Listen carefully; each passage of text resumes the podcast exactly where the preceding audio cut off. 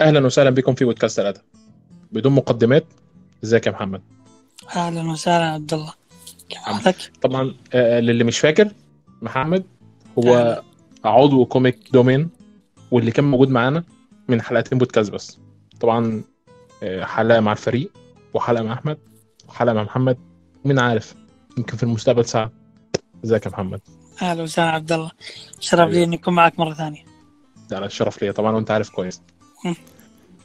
تمام. آه خلينا نبتدي ب Batgirl okay. حلو جدا.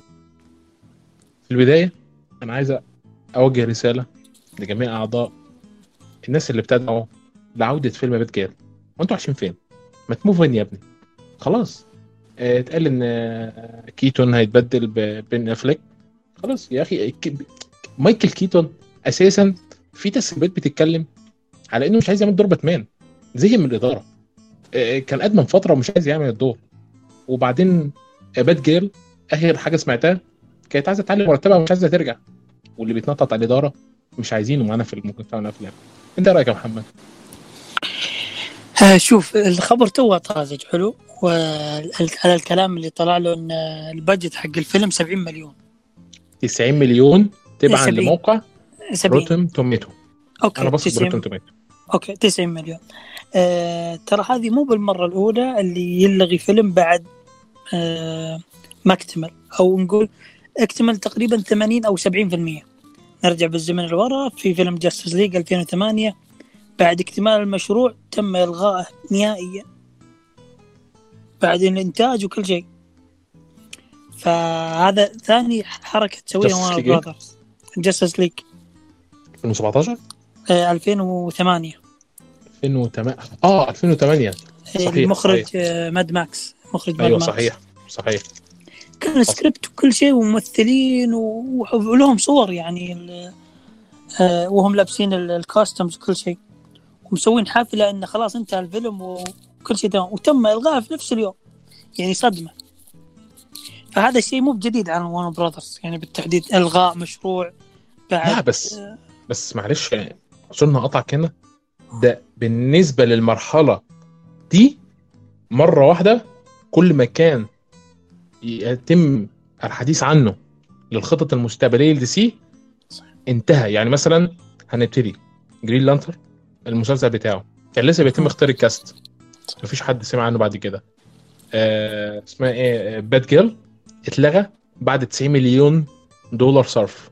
Wonder آه Twins طبعا يعني يعني مش ناس كتير تعرف ال Wonder آه، المسلسل كان بيخلون آه, آه كان ليهم مسلسل عط... لا كان فيلم كان فيلم.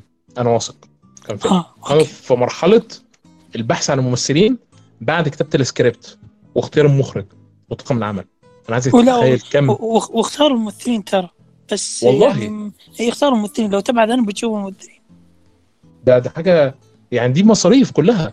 على فكرة لسه ما اتكلمناش على الخطط المستقبلية اللي كان في جزء منها أنا متحمس شخصيا ليها كان منها Static Shock أو أنا مم. كنت وأنا صغير لما اتفرجت على المسلسل كان عاجبني جدا Static Shock وإنك ربطته ب The Flash يمكن لما. كبرت لسه لاحظت الربط. آه، لما دورت طبعا في ال comic يعني وإلى آخره. تمام؟ فبالتالي إحنا بنتكلم على مستقبل كامل. إحنا خلاص كده إحنا قدام آه، Black Adam Shazam Fury Gods وبعد كده آه. فيلم Aquaman مصير فيلم فلاش إحنا مش عارفين إيه هو. لأنه اتأجل سنة. سنة. هو و Aquaman Aquaman اتأجل سنة عشان طبعا بن أفليك آه، استبدل مايكل كيتون في الفيلم. لكن فلاش إحنا مش عارفين لحد دلوقتي اللي هو اتأجل. شوف. آه، اول شيء برجع لك يا حبة حبة. كان الخطط عشوائية. يعني لو تلاحظ نسمع إعلانات كثير Nightwing. فيلم Nightwing. أنا انسى فيلم Nightwing برضه فيلم Deathstroke فيلم. آه... فيلم آه، جوثم ل... ل... Poison Ivy و Harley Quinn و Catwoman كان بيصير لهم فيلم. يعني أنت متخيل؟ آه. أيوه صح صح. صح؟ إزاي أنا نسيت ده. أي أيوة كان صح. كان كان العشوائية آه، غير طبيعية. والعشوائية هذه تسبب كارثة. يعني أنت راح أنت تسبق ال- آه، الأحداث قبل ما ترتب نفسك يعني المفروض هذه الأحداث تجي مستقبلا واحدة واحدة فهم يبون يستعجلون ويخلصون كل شيء. وهذا أكبر خطأ يصير لأنك أنت لا تسوي أخطاء مارفل. مارفل ترى ترى أخطاء اللي كانت تسوي أنا أعتبرها أخطاء لأن أنت هي خلصت قصص المفترض إنها تمدد يعني تأخذ راحتها في التمديد. يعني بعد Infinity War أحس مارفل الحين في انحدار. أرجع لك في DC الحين DC الحركه الصحيحة إنهم خلوا Aquaman قبل الفلاش بعد ظهور بن أفلك في الإعلان في في ال story ال Aquaman في مؤشرات على ترتيب العالم يعني لو طب- نرجع طب نر... معلش إيه. في فكرة ترتيب العالم عايز أنوهك لحاجة ممكن تشرحها لنا وأنت بتتكلم بعد إذنك. آه آه كان فيلم Shazam كان قبل لا آسف كان بعد Flash و Aquaman يعني صح. هو فلاش كان بعد Black Adam وبعد فلاش كان Aquaman و Shazam. صح. تمام؟ فبالتالي فيلم فلاش كان هيأثر على Aquaman و Shazam. طب صح. إزاي فيلم Shazam بقى قبل Flash و Aquaman شوف آه، مع تغيير الإدارة لو نلاحظ مع تغيير الإدارة تغيرت إعلانات الأفلام. ف- آه، عشان أوصل لك إياها. لو نلاحظ إعلان trailer حق Shazam ظهور فلاش ظهور بن أفلك. صحيح. باتمان بن كانت لقطة مذهلة. كانت صدمة. العالم ضربت في تويتر. وزيد عليها الضربة القاضية حقت Aquaman في ظهور بن أفلك في ال story. العالم بدأت تحس لا في أن الإدارة تحاول ترتب شيء معين. راح يا أنها بترتب العالم ترتيب صحيح وعدم العشوائية. أو بتصير خطة جديدة. يعني في في في يا أن إعادة الخطة القديمة مع إعادة الممثلين والمخرجين السابقين أو بيعملون خطة جديدة مع إعادة الممثلين بس المخرجين لا. طيب. ف- فهمت آه، الحركة. فهمت الحركة؟ لكن ده بيوديني لسؤال لو تعرف تجاوب عليه. هل من خططهم إن Birds of Prey هيتلغى وإنهم هينزلوا نسخة ال Ayer Cut يمشون عليها. آه، آه، آه، شوف نسخة Suicide Squad ما أحس إنها مؤثرة مثل نسخة زاك سنايدر. مع احترامي الشديد للي يطالبون فيها. أنا ما أحسها مكتملة يعني مثل زاك سنايدر. تم- تمام بس بس المخرج قال إن نسخته لأن طبعا كلنا عارفين اللي حصل سنة 2016 طلع على. تويتر تبرأ من الفيلم وهاجم الإدارة. الراجل بيقول شوية effects بس. effects هتحط على الفيلم والنسخة تنزل. و... و... هو كان بيتكلم عنه إنه فيلمه كان ظلامي وبيتماشى مع زاك سنايدر. طبعا أنا ما بقولش يعني أن الظلامية هي ما تميز أفلام زاك سنايدر لكن صح. يبدو إن الفيلم كان فيه ما هو أثقل مما قدم في الفيلم بتاع نسخة 2016 طيب أنا بس طيب, طيب, أنا بسألك سؤال الحين بوجه لك نفس السؤال. تمام. The Suicide Squad حق جيمس جن. أوه. حلو؟ 10 م- 10 من أيوة. 10 الله عليك. لو إنه طلع سيء لو إنه طلع سيء كان الناس طالبت في نسخة آه؟ سوسايد سكواد أيوه. ولو تلاحظ آه، أيوة. كلام الإدارة إن ده يكمل ده؟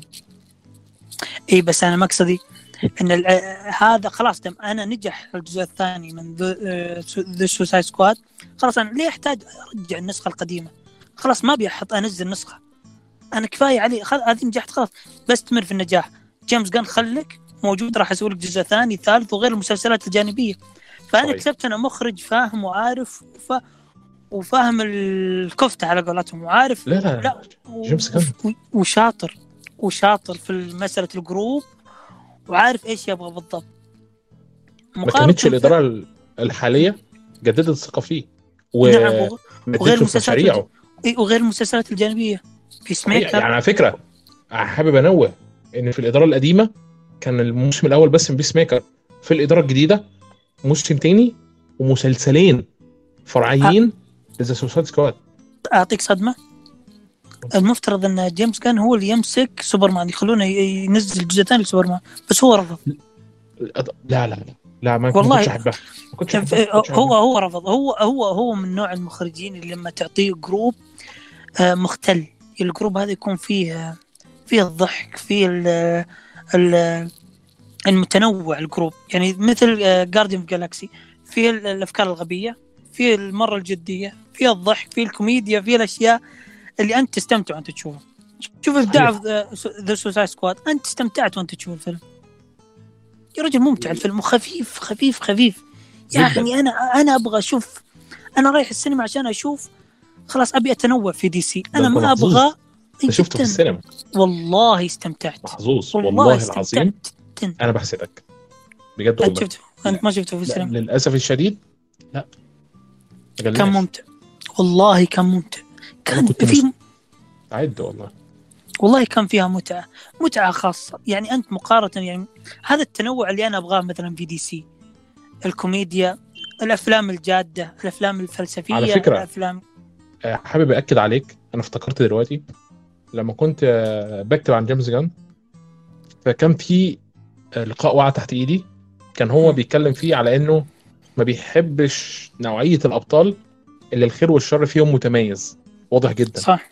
صح. حتى لو مثلا عندهم برضو جزء الدراما ومش عارفين الخير من الشر إلى آخره بس هو اللي إحنا بنتكلم فيه مفهوم. اللي هو سوبرمان وباتمان مش عايزهم. كابتن. أمريكا مش عايزه لكن هات لي دول هو بيحبهم وبيتعامل معاهم. جدا أنا أنا أنا أبغى فرقة آه، انتحارية م- أستمتع فيها. ما فيها ال- مرة الأمور الجادة. يعني في ناس ترى آه، آه، زعلوا من الفيلم. قالوا لا هذا الفيلم سيء مقارنة في حق 2016 أنا لا. 2016 أنا وزعلوا 2016 مسلسل. إي أنا 2016 أنا كان الكاست كان مرة رهيب وكان كويس وكان يا سلام سلم أنا ما عندي إشكالية فيه. وكنت عادي أطالب في نفس النسخة. لكن بعد نجاح الجزء الثاني أنا خلاص أنا ما أبغى النسخة. أنا بعد الجزء الثاني خلاص. أنا استمتعت. عط... جيمس جن اعطاني فيلم آه أنا استمتعت فيه. ليه اطالب في النسخة الأولى. لو إن هذا الكلام في زاك سنايدر أقول okay. يعني لو على ال Justice League 2017 كان ناجح وكان جاب الأصداء الكويسة وحتى لو زاك أعلن وتكلم بقول لا والله معليش أنا عندي نجحت حق 2017 ليه بس ذا النسخة؟ سوسايد سكواد The Suicide Squad أنا وأنت عارفين إن الفيلم دوت لو كان نزل السينما ما كانش هينجح. اللي هو؟ ذا سوسايد سكواد. اي نزل ترى. اللي هو نزل فيه لا لا. هو نزل على المنصة ونزل في صح. السينمات لمدة أسبوع. الفيلم ده. اتصرف عليه 220 مليون دولار. صح ما جاب ما جاب. المبلغ. آه، ما جابهمش. في أسبوع في السينما أو أسبوعين. دي نقطة. النقطة الثانية هو إن The Suicide Squad rated R يعني مش كل. العيلة. تمام. طبعا أنتوا غالبا عندكم في السعودية بتدخلوا السينمات بالهوية صح كده؟ آه آه علشان إذا كان من فوق 18 أو كذا. بالظبط آه. ولا ما أو ما- ما قد شفت كذا يعني. م- مفيش طب كويس. لا ما أتوقع. إحنا بس لا عندنا إذا شاف واحد صغير لا لا ما يدخلون الموضوع والله. مم. إحنا عندنا كان كان قاعد في فيلم جوكر آه عيال قاعدة بتعيط ورايا. عيال صغيرة. بيبيز. بيتعرضوا ليه؟ ليه يدخلون فيلم كذا؟ بالظبط أنا كنت مستغرب. رحت قدمت شكوى تقريبا شافوا الشكوى وضحكوا. لا غريب يعني ترى. في أفلام آه، في أفلام ترى ما يصلح عادي يدخلها. فقلت أتأكد يمكن عندكم بيدخلوكم بالهويه ولا لا لا إحنا يدققون ترى يعني هذا فيلم صار خلاص. عمر معين ما تدخل يعني حتى في أفلام ما يسمح إنك تدخل فيها وحتى لو كان عمرك يعني أقل منك بسنة أو سنتين ما ممنوع. جميل. الفيلم هذا كبير خلاص. طب وهنا بن بنكمل معاك الكلام طبعا. لكن إحنا لو بصينا مثلا للمرحلة القادمة لأن أنا مش عارف إحنا في أي مرحلة بالظبط من عالم دي سي. هل صح إحنا في المرحلة الرابعة الثالثه الثانية لا. لا خالص. أنا كان عندي اعتقاد مثلا إن الإدارة القديمة لما أعلنت المستقبل بتاع دي سي أعلنته عشان آه، يعني ذا روك. إيه لما عشان يجي فيلم بلاك آدم أبوس إيدك تعالى فيلم بلاك آدم بس أنا هاجي واستثمر في مشروع فاشل. وشخصية ال superhero النهارده بقى ليها نوع من أنواع الشعبية وبترتبط بالشخص. لو الشخصية نجحت هو كممثل اسمه هتبقى في السماء. لو الشخصية. فشلت هو كممثل الشخصية بتاعته في الأرض. فهو كان جاي لأن طبعا أعلى نجم شباك بقاله سنين. سنين من أيام جومانجي. أنا. عايزك تتخيل. الراجل ده متصدر السينما بقاله 8 سنين ولا حاجة. ف آه، فهو جه بلاك آدم وهم أعلنوا عن خطة هم مش عارفين ينفذوها أو عارفين ينفذوها. كانوا أعلنوا عن Batgirl و Blue Beetle لمنصة Green Lantern لمنصة آه، وأعتقد Wonder Twins لمنصة صح؟ تمام. يبقى كده ثلاث أفلام ومسلسل لمنصة. Wonder Twins اتلغى Green Lantern اتلغى Batgirl اتلغى Blue Beetle قرروا يخلصوه وقرروا الإدارة الجديدة بالمناسبة يعني. هي اللي قررت إن Blue Beetle هينزل السينما قبل ما ينزل المنصة. والله ممكن يت- في أي لحظة يتلغى. لا أنا ما ودي. انه يلغونه لأن آه، يعني يعني لو خيرت بينه وبين بات جيرل بقول لا هو يكمل. إشمعنى أنا ما بلو ودي؟ يا أخي مش عارف بالظبط آه، ال- ال- ال costume حق الشخصية في, في وراء الكواليس كان مرة حلو. مرة حلو. عكس بات جيرل أوكي؟ جميل. ال- القصة ترى هي كويسة وحلوة وخفيف يعني أنا ما أتوقع أنه يعني راح يجيب مبلغ آه، قوي. لكن ممكن راح يجيب ال- بيأخذونه من طريق عن طريق يعني فهمت أنت؟ البطل ترى مكسيكي وفي شعبي الناس المكسيكيين يبون يشوفوا لهم بطل مكسيكي. يعني مثلا بأخذ لك على سبيل المثال نايمور اللي في مارفل خلوا الشخصية مكسيكية.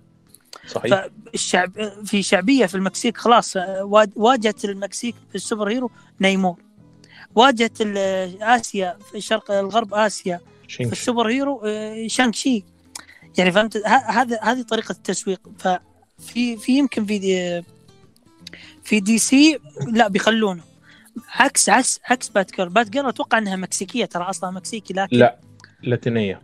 لاتينية أوكي. آه، هي أنا آه، بس توقعت- هل هي مكسيكية ولا لأ مش اي عارف اي اي هي عشان كذا. قاعد أقول أتوقع قلت حتى لو كانت مكسيكية ما راح يخلونها هي الواجهة لأن هي بات جيرل زي sidekick يعني مساعد يعني- مساعد مساعد الباتمان أو للأمانة؟ جانبي يعني الأبطال البيض يا جدعان بيض والابطال السود بيض واللاتين بيض. هو يعني آه، عارف أنت اللي هو اللاتين لاتين والبيض بيض إيه. وريحونا آه، لا لا لازم آه، يعني يعني في ناس ترى تدري إنهم يطالبون مثلا نبغى نشوف نسخة الباتمان آه، سمراء. بروس وين؟ أسمر. أوه يطالبون كثير كثير كثير كثير. فلسفة الشخصية غير متناسبة مع الهوية السمراء. أنا أنا أنا أنا شوف أنا دخلت في نقاش مع أحد في تويتر من الأجانب المعروفين وبعدها أعطاني block والله ما أنسى. كان يطالب إنه مثلا يقول آه، جون كونستانتين إنه يكون شخصية سمراء وحط الممثل أسمر. أنا أرسلت قلت شوف في عالم دي سي وخاصة كوستانتين في أكثر من universe حتى لو كان في أكثر من كوستانتين ما في شخصية سمراء. كلهم شخصية بيضاء يعني كوستانتين تركيبته شخصية البيضاء بريطانية. ما يصلح إنه يكون أسمر. في شخصيات سمراء. يعني في شخصيات سمراء. سايبورغ أسمر. يمديك تتلاعب بشخصيات ثانية. عندك في جرين لانترن شخصية سمراء. يعني يمديك. ففي ناس دخلوا معي في النقاش قالوا لا عادي ما قلت طيب عادي لو بلاك بانثر يكون أبيض. قالوا لا. قلت ليه وش الفرق؟ قالوا لا هذا أصله كذا. قلت طيب هذا أصله كذا. كوستانتين ما يقدر يصير أسمر يعني. لازم تخلونه أسمر. ترى غلط. مو بلازم يعني. لازم ال- العدل. لا لا شوف ريحوا عادي خذوا الأمور ببساطة. الشخصيه السمراء هذه شخصية سمراء. شخصية بيضاء. هذه شخصية بيضاء. ما في للأسف ترى حتى إنهم يقولون لا بنغير الأجندة يعني. شخصية بيضاء بس بوم نخليها شاذة. لا دقيقة. ما يصير. يعني والله لا تستبعد. مثلا تشوف مثلا كوستانتين أبيض أنت تستانس. فجأة تفاجئ إنه شاذ. لا غلط. أنت لا ترضي أقلية يعني. فا أوكي إحنا أخذنا منحنى آخر كذا لكن برجع لك. لا لا عادي. أصل المنحنى دوت إيه. متناسب جدا مع المستقبل. يعني هقول لك حاجة. إحنا كنا لسه هنتكلم على فيلمين ليهم دور في المستقبل واللي هو سوبر جيرل ووندر وومن 3 كان آخر أخبار سمعتها عن وندر وومن 3 ان هو اتلغى. أنا مش عارف هل هو اتلغى ولا في مرحلة اعاده كتابه سكريبت شوف شوف ال- حاليا المخرجة راح تمسك آه، فيلم لستار وورز. تمام؟ حلو. حلو. الممثل- ما عليه آه، شكر الله. آه، الممثلة نفسها ما أتوقع عندها زحمة آه، أفلام وزي كذا. لكن في فيلم جزء ثالث لوندر وومن.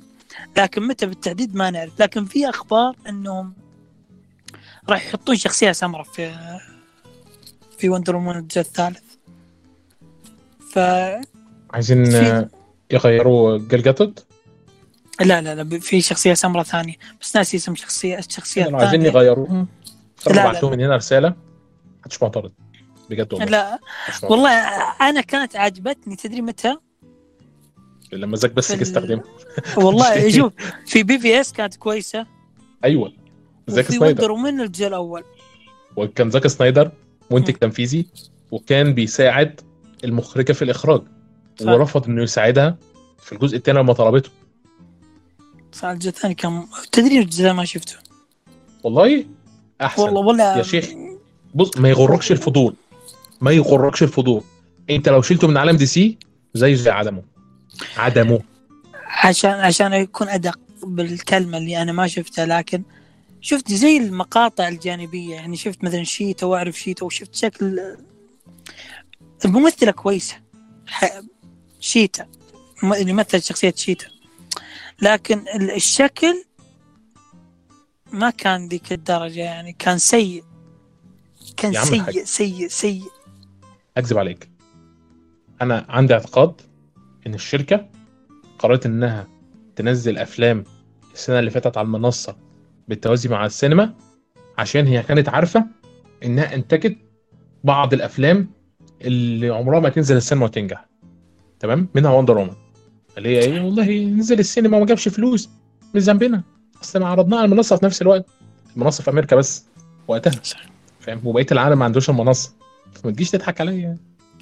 صح. لأن حتى الفيلم ما نجح ذاك النجاح. ولكن خطة مستقبلية ممكن الإدارة الجديدة الحين جالسة ترتب كل شيء. يعني لو نلاحظ ما اعلنوا عن الجزء الثالث مثل عن وندر بس في أخبار قليلة عن وندر ولا أعلنوا عن أي شيء في كوميك كون اللي صار بالاخير بس أعلنوا عن شازام لا آه بلاك آه آدم كوميك كون ساند مان إي بس هذه كوميك كون بتاع السنة اللي فاتت. كانوا السنة اعلنوا إي لا لا أتكلم عن السنة هذه الأخيرة. لا لسه آه لسه, آخر كوميك كون لسه هيتعمل كمان. شهرين. لا، لا، في واحد. لا لا قبل آه، الإعلان حق بلاك آدم وإعلان شازام في كوميك كون كوميك كون آسف آسف آسف إيه، أنا أنا بقول- بتكلم على دي سي. لا لا لا, لا. إيه، أنا برجع لك في دي سي فاندم في كوميك كون اعلنوا عن بلاك آدم شازام ذا ساند مان فقط وجابوا ال cast وحلاوة. صحيح. اذا فكرني العالم- نتكلم على Sandman ها؟ اي ما عندك مشكلة.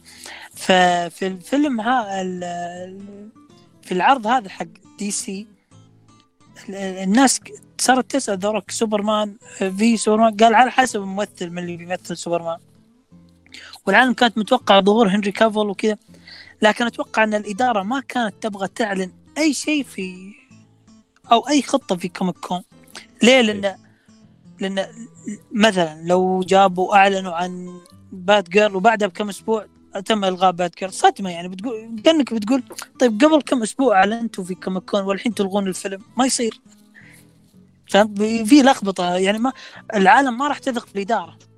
لكن الإدارة حاليا خطتها كلها راح تبان في DC FanDome واضح بص. الخطة كلها راح تبين. ممكن ترى شوف إحت- احتمال بسيط احتمال بسيط.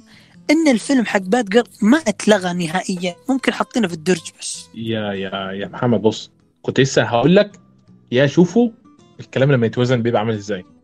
هما مش بص بص. أنا وأنت عارفين الأخبار لما تيجي من السورس بتروح تدور عليها صح؟ صح.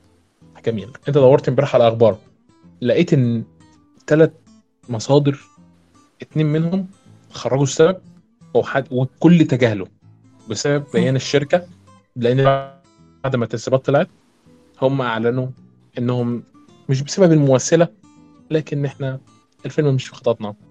لكن صح. السبب هو إن الفيلم لما شافوه كان مهزلة. لا يقولون الفيلم اللي شافوه يقولون الفيلم ما كان مرة خرافي ورائع و... لا كان جيد مقبول. يعني مقبول وجيد هذا ممكن يجيب لك يعني في السينما ممكن يا عم مبلغ ما كويس. بتتحسبش كده. ما هو أنت بتحمي الفرانشايز بتاعتك. أنت مش آه. عايز تروح تجزي الفلوس وخلاص. صح. أهلا وسهلا يعني. أي ال- ال- ال- انت حتى لو جبت أنت المبلغ الكويس المقبول قول 300 400 هذا بيس... يدخل الفيلم اللي بعده.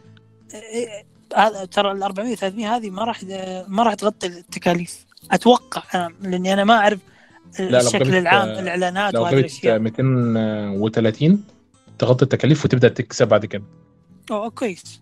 فممكن ممكن. لكن أحس إنهم قالوا لا إحنا استعجلنا. إحنا ليه نسوي الباد جير واصلا ما طلع. إيه. هي الفكرة مش مش في إنها تنزل تجيب 400 مليون. ما هو النهارده تمام؟ هنزل أشوف فيلم ال DC طلع وحش. أنا إيه اللي دخلني الفيلم اللي بعده؟ أنا ب- بعطيك سؤال ثاني بسألك سؤال ثاني. أنا ليه أسوي أصلا بالأساس ال Batgirl وأنا ما سويت ال Nightwing ولا سويت الجيسون تود؟ يا عم الحاج ما هو كانوا عايزين بص هي ديت شوف الكلمة أنت بتتكلم فيها دلوقتي. ديت أسباب حين تفشل الإدارات حين تأخذ أمور بشكل شخصي. هم اخذوها مع زكي بشكل شخصي. شخصي. أنا مش عارف هم ليه عملوها كده. أنا فعلا مش فاهم هم ليه اخذوا الأمور مع زكي سنايدر بشكل شخصي. لكن لأن- اللي حصل دوت إنهم كانوا عايزين آه يا رب يفكرني أنا هقول لك. كان المفروض فيلم The Flash قبلهم كلهم. صح. صح زي ما زي ما إحنا تمام. كان فيلم The Flash قبلهم كلهم لسبب بسيط بس. إن الفيلم The Flash هيجي يغير باتمان وسوبرمان مش هيبقوا موجودين صح وبعد كده هيبقى عندنا باتمان الكبير في السن اللي هو مايكل كيتون وعندنا رابطة العدالة بتتكون من Supergirl وبتتكون من Batgirl وبتتكون من Aquaman و Wonder Woman يبقى أنت فهمت هما كانوا محتاجين فيلم مم. Batgirl بالسرعه دي ليه؟ لأن فيلم The Flash هينزل وبعديه فيلم آه، Shazam وبعد فيلم ش... لا وبعديه فيلم Aquaman وبعد كده في- فيلم Shazam وبعد كده فيلم Batgirl دي اللي كان الخطه القديمه بعدين نشوف. بعدين نشوف BvS نسخة نسائية. ما هو خلاص بقى. Super Supergirl ضد Batgirl أيوه. ما هي بقى خطة ال... ال... ال... الإدارة القديمة. طبعا أنا حابب أقول بس يعني إن من ساعة ما الإدارة القديمة بدأت تخطط بمزاجها إحنا حصلنا على Justice League 2017 Birds of Prey 2020 Wonder Woman 2020 دول ثلاث أفلام في غاية في الفشل. شازام 2018 2019 فشل في السينما. لا والله. بالعكس. جاب أحسن. فلوس. جاب كويس يعني. جاب جاب جاب سعر كويس. مقارنة يعني يعني, وكان فيلم ممتع. كان فيلم ممتع. يعني ترى كان شوف في شوف أنا أنا في ناس آه ماخذينها شخصا مع الممثل نفسه. يا عم الممثل كويس جدا.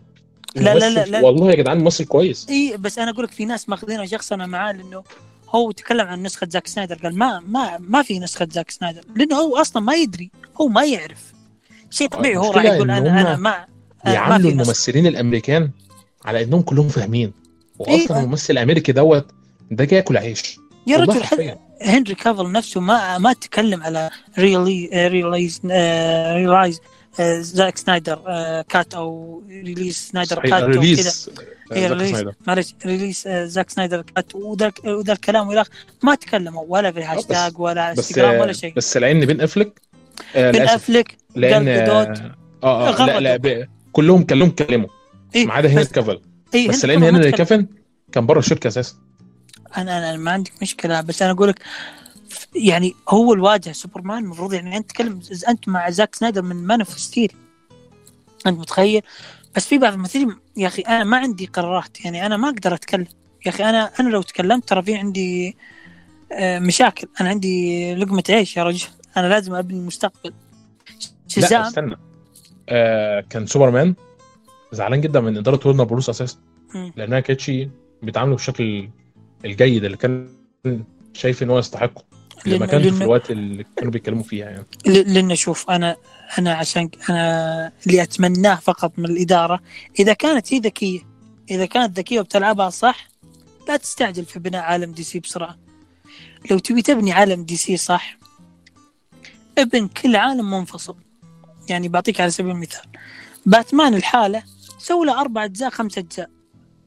تبني له تبني. له وش هو؟ ما صبروش على BvS جوه السينما.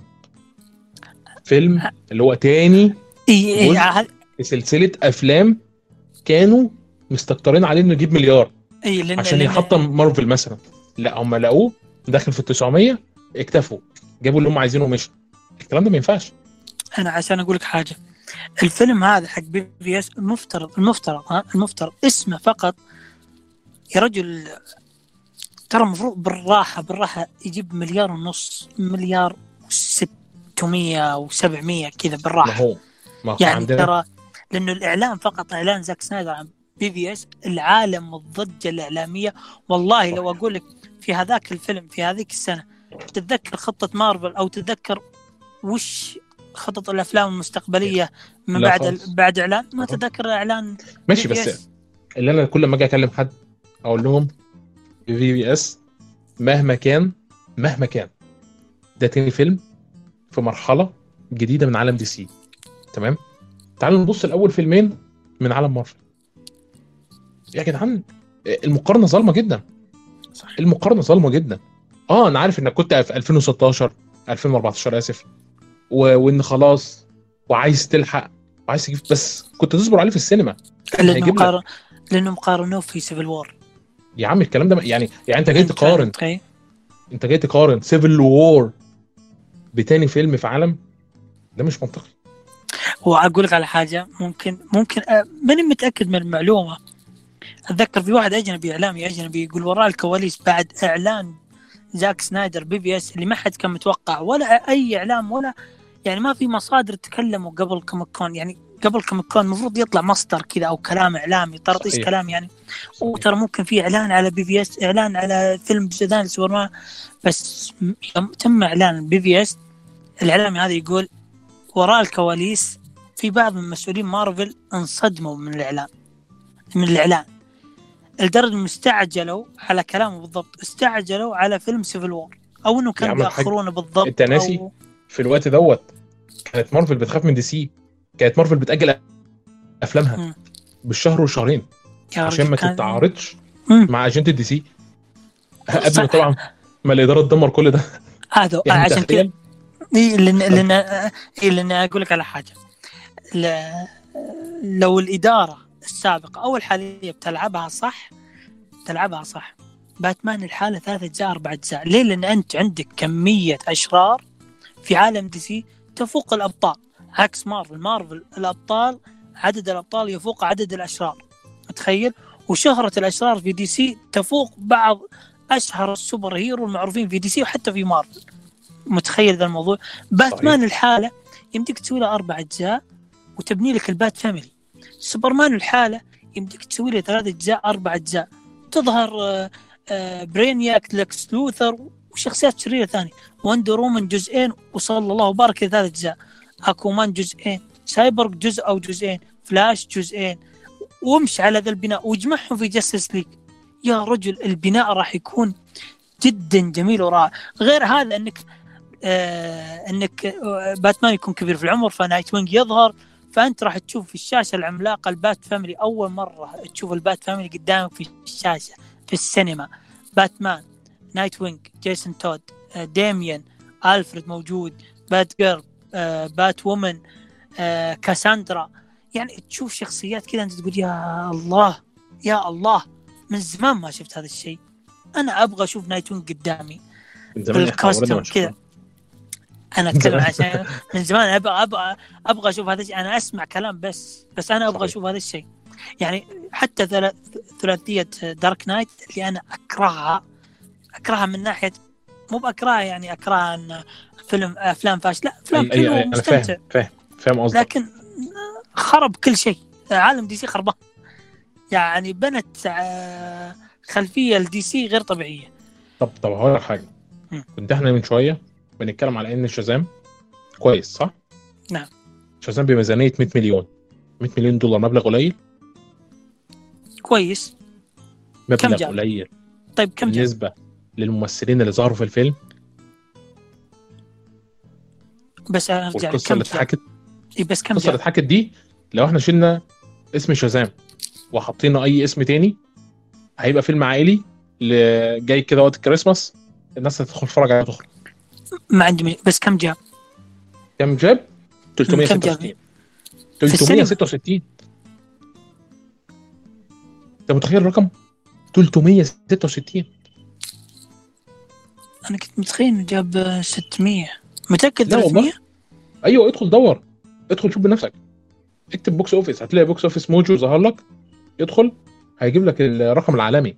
تخيل إن شخصية Shazam بكبرها تجيب في أمريكا وكندا 140 مليون بس. 140 وكسور 140 ونص تقريبا. بس. لا لا لا يا رجل تاكد طب لي هقول لك. بالنسبة لي أنا كعبد الله صح صح صح. من الفيلم صح كنت م- كنت 366 مليون. مستمتع جدا. تمام؟ طب النص التاني من الفيلم. أنا نمت في المعركة الأخيرة. أنا مش عايز أرجع أشوف الفيلم التاني. لا بس شوف الفيلم كان يعني عامل فيلم عالي قوي مقارنة م- إي، مقارنة في في فيلم هارلي كوين وفيلم of Prey. إي فيلم وفيلم Birds of Prey. إي أنا خرجت قبل ما الفيلم يخلص. يعني أنت كنت متخيل السوء اللي فيه. Shazam كشخصية لأن نشوف. الكم... الناس ما تعودت على كوميديا DC. و Shazam شخصية كوميدية وحب... وظريفة وياسر زي العسل. يعني لو أقول لك إن Shazam هذا الفيلم بالتحديد لو غيرنا اللوجو حق DC وصار مارفل ما راح يجيب 366 آه طبعا. راح يجيب أعلى. آه يجيب أعلى بكتير. اي لأن إيش؟ اي لأن أنا أنا راح أشوف ال background. أو مارفل لو لا أفلامها كلها كويسة. فشيء طبيعي. أنا إذا رحت أشوف ش- Shazam راح يكون حلو. لكن Shazam DC أكون متخوف. يعني الواحد اللي بيدفع التذكرة بيروح يشوف آه والله خايف إنه يصير مقلب. تمام. بس بس يعني وقتها كان في ناس كتير جدا بتتكلم. طب هقول لك هقول لك. في أول أسبوع نص المبلغ ده جمع. في أول ادخل كده على. أوفيس موجو. وارجع لأول أسبوع هتلاقي إن نص المبلغ اللي أنت شايفه ده اتجمع فضل يتعرض كام أسبوع فضل يتعرض من مم. 25 جول تمام طيب لإيه 5 أبريل عارف ده قد إيه؟ من 8 ان انعرض في السينما من 28 مارش تمام. إلى 5 أبريل. يعني تقريبا كم شهر؟ لا مش من 28 مارش. 28 مارس إيه، من 28 مارس يعني هي قدامي اهو اي هذا لأن أنا جالس متلخبط جالس عندي ال- الأرقام تلخبط من شهر 2 اي من شهر اثنين. لا. أيوه آه. من 28 من من شهر- آه، 25 2 إي من 25 من 2 من شهر ثلاثة.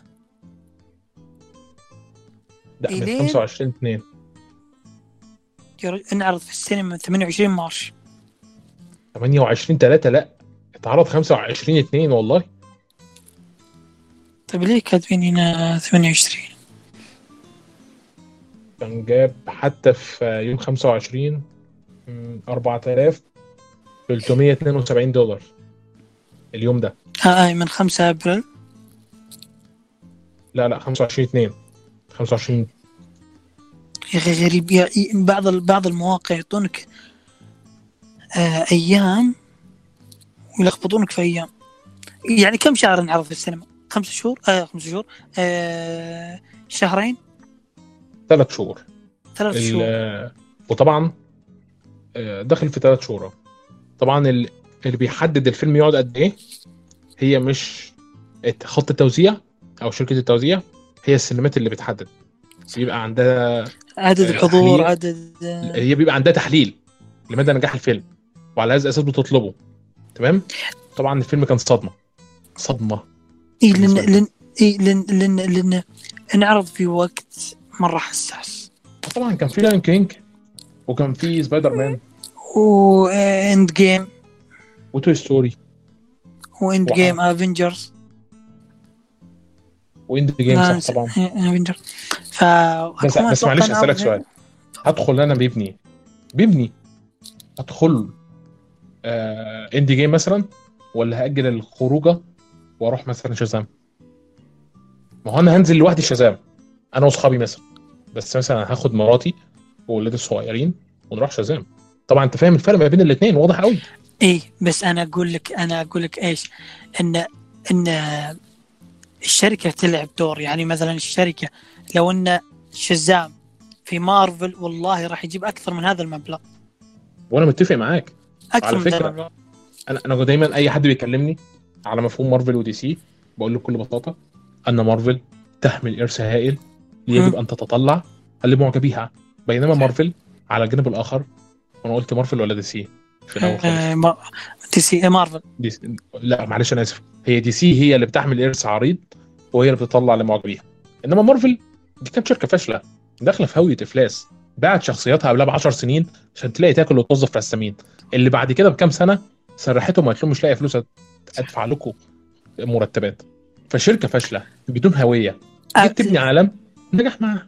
اي بس أقول لك متى بدت العالم؟ بدت العالم من 2005 تمانية. أتوقع أو 2005 لا وثمانية لا وثمانية واللي إيه، نجح. على فكرة عالم مارفل مش مارفل نفسها هي سوني قدرت إنها تعمل ثلاثية خرافية لسبايدر آه سبايدر مان صح وفوكس استثمرت بشكل قوي جدا في. إكس مان وفيلمين الهولك ما كانوش وحشين قوي شفت أنت آخر فيلم ال Incredible Hulk؟ Incredible Hulk 2009 لا. أيوه 2000 لا. آه، هذاك 2008 وثلاثة. مدري آه، 2003 هذاك الفيلم هو بداية عالم مارفل. لا. آه، لا. أقول لك Incredible؟ طب والله Incredible Hulk اللي انت بتتكلم عليه ده كان سنة 2009 بعد ايرون مان بسنة. طب ادخل راجع آه. كده. أنا معاك. إنما اللي كان 2003 أو 2002 دوت كان آه، كانت مارفل بتوزع شخصياتها. والله الشركة عملت الفيلم ما نجحش النجاح اللي كان متوقع. فقعدوا خمس سنين ما عملوش فيلم وتبعا للعقد الشخصية بترجع لمارفل تاني. مان لمارفل. إيه. وعملت آه، فيلم أنا مع... 2009 فشل. أوكي. شوف ايرون مان 2008 تمام. انكريدبل هولك 2008 2009 2000 2008 مش أيوه. 2009 لا لا 2008 ال- 2000 آه، آه، هولك 2008 هو 13 يونيو. ايرون مان آه، آه، متى أي تاريخ آه، لله رسول الله في 2008 آه، شو؟ هو أقول لك حاجة قبل أي 2000 2008 2000 آه. كان كان مين أيرون مان؟ كان مين؟ حتة شخصية معفنة كانت بتظهر في مسلسل كرتون بمبلغ قليل كان معمول في اخر أشهر الشهر الممثل نفسه أشهر الشخصية. يعني أقول لك على حاجة أنا بس بقول لك النقطة الأولى إن نهاية Incredible Hulk كان ظهر فيه توني ستارك. لو تشوف النهاية ظهر فيها توني اتفرجتش على ستارك. Incredible Hulk ظهر في آخر الفيلم spoiler آه، ظهر فيها توني ستارك كان يتكلم مع القائد الجيش كان يقول إحنا راح نسوي فريق ولا تتدخل في هولك ولا تقبض عليه. في نهاية هولك Incredible Hulk كان هولك الشخصية نفسها الدكتور بانر كان رايح للهند أو رايح الجزيرة. ارجع روح شوف Avengers Avengers هولك وين كان في كان في الهند. كانت لا بس الممثل اللي غيروه ليه؟ لأن الممثل نفسه كان يقول أنا ما عجبني سكريبت أنا أنا أبغى أشوف هولك المتوحش. أنا أبي هولك كذا. أنتم في فيلمكم هذا ب... كأني أشوف هولك تهريج. فكان مو عاجبه ترى خطة يا عم الحاج آه، مش هولك. آه، كان عايز هولك هو الممثل هو مش لايق على شخصية هولك من غير زعل. أنا على فكرة هو ممثل درامي كويس. الراجل أخد أوسكار قبل كده. ف- 2008 حق 2008 كرة هولك ما شفتوش بس أنا شفت ال trailer ما حمسنيش يا رجل رائع. هذا أنا أقول لك على حاجة. هذا هولك الحقيقي. الممثل نفسه وشخصية هولك أنا أشوف هولك فعلا هولك. هولك الكرتوني اللي نشوفه في MCU والله هذا لا يمت في هولك في أي صلة. نهائيا نهائيا. فالممثل نفسه كان منزعج. آه، مارفل شوف بدت عالمها بالتدريج على بطء بطء بطء ولا مقارنة إيش؟ في عالم دي سي ذا Dark Knight 2004 2008 2013 أي 2005 2008 2013 دارك نايت ذا دارك نايت رايزز 2013 فشوف تخيل يعني طيب أنا في هذه السنوات لو سويت سوبرمان وندر وومن أكومان الشخصيات ما كان أفضل لي. ليه ما اعطي شخصيات ثانية أهمية؟ كان أقدر أبني عالم دي سي صح. الحين عالم دي سي يحاول إنه يتنفس من جديد يحاول إنه يبني. في واحد سأل مخرج The Batman قال له له أو المنتجين قالوا له يعني لو بتسوي فيلم الجزء الثاني The Batman كم يحتاج إنك تكتب سكريبت ناجح مثل نجاح The Batman؟ قال أقل شيء لازم إذا بغينا نشوف الجزء الثاني باتمان ثلاث سنوات إلى أربع سنوات. شوف تخيل. ثلاث سنوات إلى أربع سنوات عشان نشوف الجزء الثاني The Batman. كلام منطقي. فأنا يا عالم دي سي خلاص شوف أنا إذا بغيت أبني عالم دي سي صحيح ابيك تكتبه صح وتخطط على مهلك ولا يحتاج الاستعجال. يعني لا تستعجل. خذ خذ على فكرة كلامك ممكن يودينا لحتة أنا كنت عايز أتكلم فيها معاك وهي إن الإدارة قادرة تاخد قرارات صح. بمعنى لما الإدارة شافت إن الجوكر نجح وذا باتمان نجح فهي سمحت بمسلسلين جانبيين يخرجوا صح. من ذا باتمان. صح. فالاستثمار في ذا باتمان لأنه هي شايفة أن هذا الفيلم آه، فنيا نقديا ناجح. صح كده؟ صح. جميل. من جانب ال dark المظلم اللي الناس okay أنا أبغى أشوف هذا الظلامية أنا محتاج أشوف هذا. ففي الجانب الثاني أنا عادي ترى ما يحتاج إني خلاص إذا شفت هذه الظلامية في باتمان أبدأ أنقل هذه الظلامية للشخصيات الثانية. لا. أنت كذا بتظلم الشخصيات الثانية.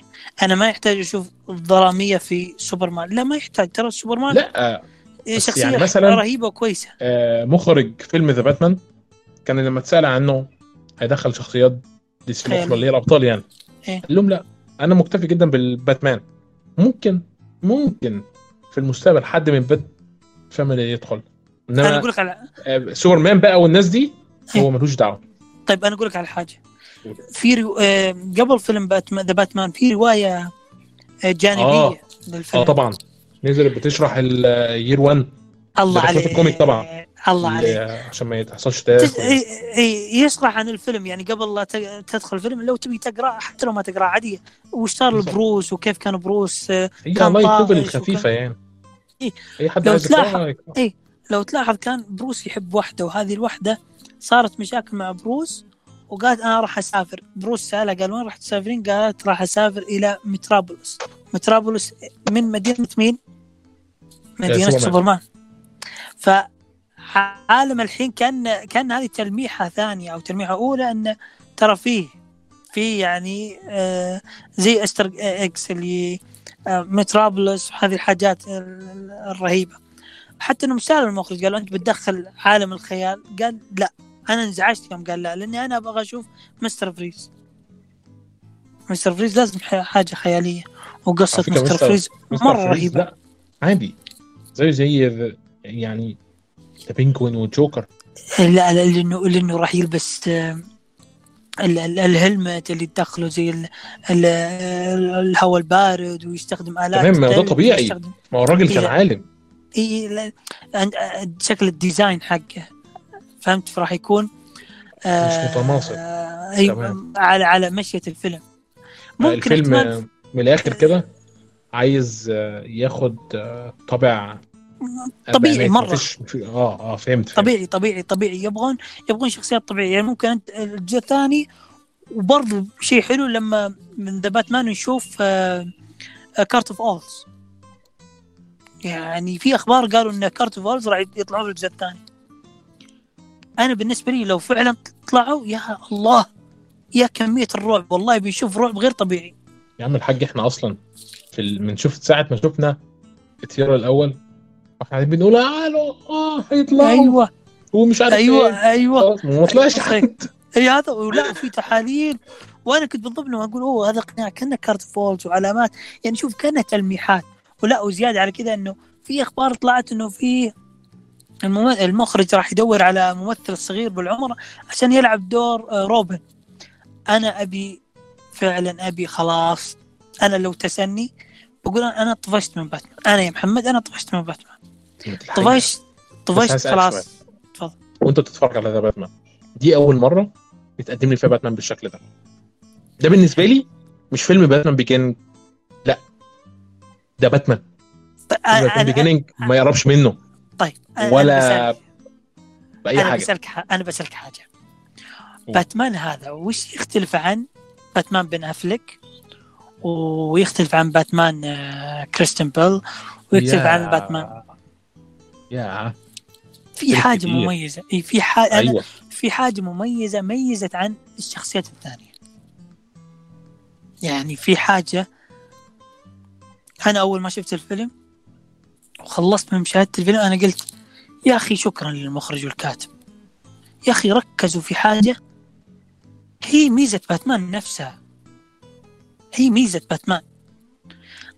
أصلا وش يقولون عن باتمان؟ the great detective أفضل محقق. وهذا باتمان نفسه. يعني المحقق في باتمان بن أفليك باتمان آه كريستيان بيل باتمان السابقين كلهم. حتى حتى على فكرة أفضل نسخة الكوميكية لباتمان بالنسبة لي واحد من أفضل أفلام السوبر اللي رسخت إزاي تعمل فيلم superhero. فعلا. صح. فيلم باتمان 89 تمام؟ بتاع مايكل كيتون. أوه. ده بتاع مايكل كيتون؟ أنا أول ما شفته وأنا صغير كنت كاره الفيلم ده جدا. تمام؟ لكن لما كبرت تعالى بقى نتفرج. يا لهوي على المزاج. فاهم؟ يا أخي كان جميل. آه، كانوا فاكرينه زي ال comic. كانوا فاكرينه خفاش خفاش عملاق. بيخافوا منه. المشكلة إن نمط التسعينات زيادة عن اللازم. طاغي على الفيلم. الثمانينات آسف. الثمانينات طاغي على الفيلم. فهم حاولوا يا عيني ياخدوا طابع النوار بهدوء جدا ناحية الشرطة طابع ظلامي في عالم باتمان طابع البروس وين في مع بروس وين لما كان بيظهر بيتظاهر بالغباء بسيط كلام قليل معجب بواحدة إلى آخره طبعا من الكلام يعني. وكريستيان بيل؟ كريستيان بيل؟ يعني بس, بس يعني مايكل كيتون عايز بس أتكلم في حتة كمان. الجوكر بتاعه آه، من الحاجات برضو اللي أنا فهمتها لما كبرت. إن الجوكر كان بيعبر عن فترة آه، ال- ال- الحالة الاجتماعية اللي موجودة في أمريكا اللي هو كان وقتها إيه؟ الهيب هوب والراب بدأوا. يطلعوا. فالجيل صح. القديم مش عاجبه الكلام ده. الجيل ده بقى خارج من الجاز إيه. والجاز روك فاهم؟ والكلام دوت. صح. طبعا الهيب هوب والراب ما ياكلش معاه. فتلاقي الجوكر مرتبط بالمراهقين اللي عاجبهم قوي الراب والهيب هوب اللي كان بيستخدمه اللي هي موسيقى الصاخبة مع ال metal برضه. تمام؟ فالفيلم عظيم. عظيم عظيم يعني. مش حاجة بسيطة. لو إحنا شلنا منه طابع الثمانينات تمام؟ لكنه بالنسبة لوقته هو 10 10 نيجي لكريستيان بيل. ولو اني ما سألتكش الأول عن رأيك في باتمان الثمانينات شوف أنا أنا باتمان مايكل كيت كان رائع رهيب. معطيني لذة غير طبيعية. ممثل نفسه كويس. ممثل نفسه آه، وازن بين باتمان وبروس. أيوه. وازن والله. في بينه. وكانت ترى صعب إنك توازن بين الشخصيتين. حقيقي يعني يعني في بعض الممثلين ينجح كباتمان بس يفشل كبروس. وبعض الثاني يفشل ك... ينجح كبروس لكن يفشل كباتمان. أعطيك على سبيل المثال جورج كلوني. كان كويس. بروس أوه يا سلام. كان بالنسبة لي بروس. لكن لما تشوفه كباتمان لا تشوف جورج كلوني باتمان. ما تشوف باتمان. ما تشوف باتمان بروس. لا جورج كلوني لابس costume فقط. يعني كان مشمئز. أروح لك لباتمان حق آه، كريستيان بيل. بس كلنا عارفين أيوة. ان مش ع- مش مش معترفين أصلا بنسخته يعني. الراجل بالنسبة لنا شفاف جورج- خفي. جورج كلوني. آه. إلى يومك هذا وهو يعتذر على الفيلم تدري؟ إلى. يومك. يعتذر على لحد الفيلم. النهارده فعلا والله يعتذر على إيه أكتر دور ندمت عليه؟ دور الباتمان باتمان. والله ندمت يعتذر على الفيلم. يعتذر يعتذر. ولا اعتذار من قلبي يعني مو ب... مو بأي اعتذار. فأنت ترحم وتتعاطف مع. انه مع. مع إنه ترى ممثل مرغوب في أي فيلم. وناجح. ورائع. ويعني يا سلام سلام. في ممثل برضو مثل شخصية باتمان لكن ما أشتهر. ناسي اسمه. تعرف أنت شفت أنت فيلم آه، توب جان؟ توب جان آه. في الجزء الأول كان آه، ال- المنافس لتوم كروز. أنت بتتكلم طبعا على فيلم ال- التالت. آه، الفيلم الجزء التالت في التسعينات. صح كده؟ إيه إيه الجزء الأول القديم. أيوه. لا أنا مش قصدي مش قصدي على توب أيوه جان. أيوه آه آه في فيلم في فيلم صحيح. فيلم باتمان كذا كان آه، من جزء واحد كان أيوة في صح. بات جير وروبن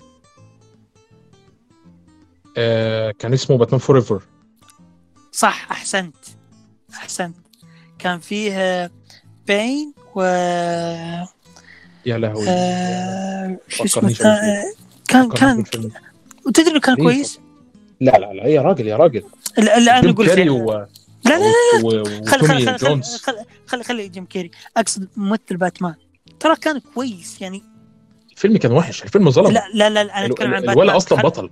خلي خلي على خلي على الفيلم. الفيلم كارثي. لكن الممثل نفسه كان ترى كويس ممثل باتمان. كان بس لو يعطوا له فرصة بس المخرج نفسه كان جايب العيد. ومو بجايب أي عيد عيد جايب جايب ال- المصايب كلها. يعني ريدلر مشمئز آه، Two-Face مشمئز. شفت شفت جيم جيم كاري وهو بيضحك. ده مش ريدلر خالص. ده جاي من الكرتون. رامينه في الفيلم. لو جيم كيري هو الجوكر كان أقول wow والله بطل والله يبدع بس ريدلر ما ينفعش. ما ينفعش بعد الممثل العظيم اللي عمل الجوكر. أكيد جيم كاري مع مع مع, مع حبي واعتذاري لجيم كاري بس عشان ما حدش يفتكر إن أنا بقلل من حد. جيم كيري لو كيري تشوفه فقط فقط كجوكر كوميدي الضحوكي ال ال ال ال ال ال التعابير بالوجه وهذه الأشياء أقول okay جيم كيري رهيب كجوكر. يعني أنا كنت أقول أفضل يا جيم كيري يا جوني ديب آه يا خواكين أو بص، ليوناردو دي كابريو هم آه، اللي يصيرون جوكر. جيم كاري هو كان مناسب للجوكر لأن جيم كاري عنده حاجة أنا ما شفتش ممثلين كتير في تاريخ السينما بيعرفوا يعملوها. جيم كاري عنده القدرة إن هو يتحكم بكل عضلة في وشه. صح. بيعرف إنه يتلاعب بضحكته بنظراته بطريقة عجيبة. بس صح. انه يجي في فترة الثمانينات بعد جاك نيكلسون مم. الأمر دوت كان من سبع مستحيلات. كان هيفشل. تخيل مثلا عايزك تتخيل باتمان فور ده عمل 95 ده عمل 89 آه 89 يعني فرق ست سنين. تخيل. مثلا بعد هيث ليدجر 2008 كان يجي واحد بأربع سنين ولا خمس سنين ويعمل لك جوكر كان هيتفشخ. بسيطة. يا عم مش بعيد. جارد ليتو عمل بعدها واتفشخ. من جدا. وبعدها أو والله أول ما تم إعلان انه في فيلم للجوكر. خواكين أنا أنا كنت طاير من الفرحة. طبعا خواكين مبدع. أنا والله العظيم إني كنت أقول في أنا ما توقعتش النجاح. عشان ما اقولش أنا- بقى إن أنا برنس اللي بتوقع كل حاجة. أنا أقول لك أنا أقول لك أنا أقول لك حاجة. أنا كنت أقول إنه أحسن اختيار للجوكر هو بيضبط وكنت مستمتع. لكن كنت متخوف من مين؟ كنت متخوف من المخرج. من المخرج. فيليبس. كنت متخوف من المخرج. لكن في واحد أجنبي بعد كلامه وبعد إعلانه ل- إن خواكين هو اللي راح يصير الجوكر كذا بعد كلامه من هذا المقطع أنا تحمست الفيلم وكنت يعني أعطاني أمل في نجاح الفيلم بسبب إيش؟ معلومة قال- سريعة. والتر حمادة كان آه، رافض الاستثمار آه، كمدير DC في الفيلم دوت وجيرد ليتو كان مم. معارض جارد ليتو كان معارض بس لأن لأن جارد ليتو آه بس لأن أيوة. جارد ليتو كان جاي أصلا من تجربة مريعة يعني كان- أصلا إحنا بنتكلم عن معظم دور أيوة. الجوكر اتمحى. شالوه. إيه. الراجل اتصدم. طلع وكان- وكان- يتكلم كان مصدوم. عدم احترافية تماما. صحيح وكان هو في فيلم كان هو يطالب في فيلم جوكر وهارلي كوين بس صار هذا الفيلم الجوكر حق آه، على فكرة، خواكين هم كانوا واضحين إن الفيلم ده هيبقى مستقل. الفكرة كلها في إيه؟ في إن والتر حمادة الأستاذ العبقري اللي جه مسك DC سنة 2018 تمام؟ عمل إيه؟ قال لهم لا. رفض تماما. فالسكريبت والنص راحوا من والتر حماده لاداره Warner Brothers ذات نفسها. Warner Brothers قالت لك يبدو مشروع واعد هنستثمر فيه. وبعتت لمجموعة من الشركات إنها تجي تستثمر في الفيلم لو عايزة. جيت شركتين تانيين شركتين تانيين يستثمروا. في الفيلم ده عشان ورنر بروس مش عايزة تدفع 45 مليون في فيلم وراحت تدفع 90 مليون في فيلم با- آه، باتجيرل في مصايب. يعني أنا أقول لك على حاجة. الفيلم الجوكر ال- ال- المخ ال producer اللي هو المنتج المفترض إنه يكون سكورسيزي. بس ترى انسحب. انسحب صحيح. صحيح، ومن جاب. ومن ومن راهن على هذا الفيلم آه برادلي كوبر الممثل. برادلي كوبر صحيح. راهن وخلاص واتفق على إنه يكون الم- المنتج. وجاب يعني على 50 مليون. وكان المتوقع النجاح له للفيلم. لا لاحظ. فيلم R. وفيلم مو بأي R. يعني تصنيف نفسي dark. dark في العميق عميق جدا عميق. يعني أعمق من هذا الفيلم dark ومرض غير طبيعي. وإنتاجه 50 مليون 45 مليون 40 كان 60 وقتها مليون. قبل ما يتكلموا في الدعاية؟ كنا بنتكلم في 30 مليون آه، التكلفة النهائية كانت 45 مليون. يا رجل. أقدر أقول لك. إنها كانت بالظبط آه، يا رب يفكرني. ميزانية في فيلم؟ آه، لا لا هقول لك. كان في فيلم تاني للجوكر هيتصور سنة 2018 بمبلغ 55 مليون. تمام؟ ف وورنر بروس كانت مش عايزة تكمل في المشروع دوت وراحت ادت لتود فيليبس مبلغ قليل قوي يعني. تمام. لكن كان في شركتين كمان دخلوا في العملية الإنتاجية. آه، يا ربي استنى أفتكر اسم الشركتين لأن أنا مش فاكرهم بالظبط. حتى أنا بدور عليهم دلوقتي. و مش آه، مش لاقيهم خالص يعني. مع إني فاكر كويس إنها كانت حاجة براون وشركة تانية كريتيفي أو كريتيفي كذا براون كريتيفي آه آه شركة آه، كوسكوف تمام؟ انضمت للانتاج creative Bron creative آه و Bron creative يخرب بيتك. مم. أيوه أنت صح. Bron creative انت برنس أقسم بالله؟ حبيبي في دخلوا معاهم يعني ش- آه شركات. آه شركتين. هم اللي تحملوا العبء آه، الأكبر. ثلاث شركات ثلاث شركات. يعني؟ ثلاث شركات عشان يعملوا فيلم ب 45 مليون. صح. وشوف كل ده عشان الأستاذ والتر حمادة قال لك أنا مش عايز أسمع في الفيلم إنه هيفشل. ولما إدارة ورنر بروس دفعت ال 15 مليون اللي هم لا أقل من 15 كمان. والله أقل من 15 تبع للحسبه كانت 12 وكسور. لقى ان الإدارة حطت المبلغ ده في الفيلم تفاجأ. من إن الإدارة أساسا وافقت على إن الفيلم ده يتعمل. إيه؟ هو في. فيلم النهارده بينزل بميزانية 45 مليون السينما يبقى بطله آه، بالاسم دوت. يعني يا جدعان آه، أقول آه، وت- وت- وتصنيفه R. أنت متخيل تصنيفه R. بس ما كانش هيفشل. على الأقل كان هيجيب ثمنه 100 مليون ولا 120 مليون وهيطلع. ممكن ممكن يعني الناس توقعت إنه حده 600 500 مليون. يعني مثلا كذا مع اسمه والقص لكن ترى مليار كانت صدمة. والله العظيم صدمة. يعني تصنيف R ويجيب مليار أنت متخيل هذا أنا الشيء؟ ما- لا، ما توقعتش وي- وشوف. الممثل ممثل رئيسي يترشح للأوسكار وياخذ الأوسكار. موسيقى لا لا خد بالك. آه، الموسيقى. الموسيقى. وما والله أنا سمعت واحد يحلل الموسيقى يقول من بداية الفيلم يقول لو تلاحظون الموسيقى كانت موسيقى تمشي مع آرثر. بعدين آرثر لما انتكس الموسيقى 16. بدأت تتعمق زيادة. أيوة الين صح. ما صار الجوكر يوم صار الجوكر نفس النوتات الموسيقى لكن تعمقت بزيادة. يعني دخل معاها آلة معينة يعني اللي فاهمين في الموسيقى بيعرفون يقول إيه بص هو أنا في أنا الات مش- دخلت في الموسيقى. مش فاهم قوي في الموسيقى لكن أنا بحب الموسيقى بتاعت الأفلام. أفضل موسيقى. سمعتها في حياتي من وجهة نظري لحد النهارده. هي موسيقى. بتاثر جدا بموسيقى الأفلام فعلا وبحبها. لكن هي موسيقى الجوكر. 16 مقطع. 16 مقطع. كل مقطع متسمي باسم الأرك اللي أنت داخله. صح. عمرك شفت حاجة زي كده؟ واضح جدا. صوت الاضطراب.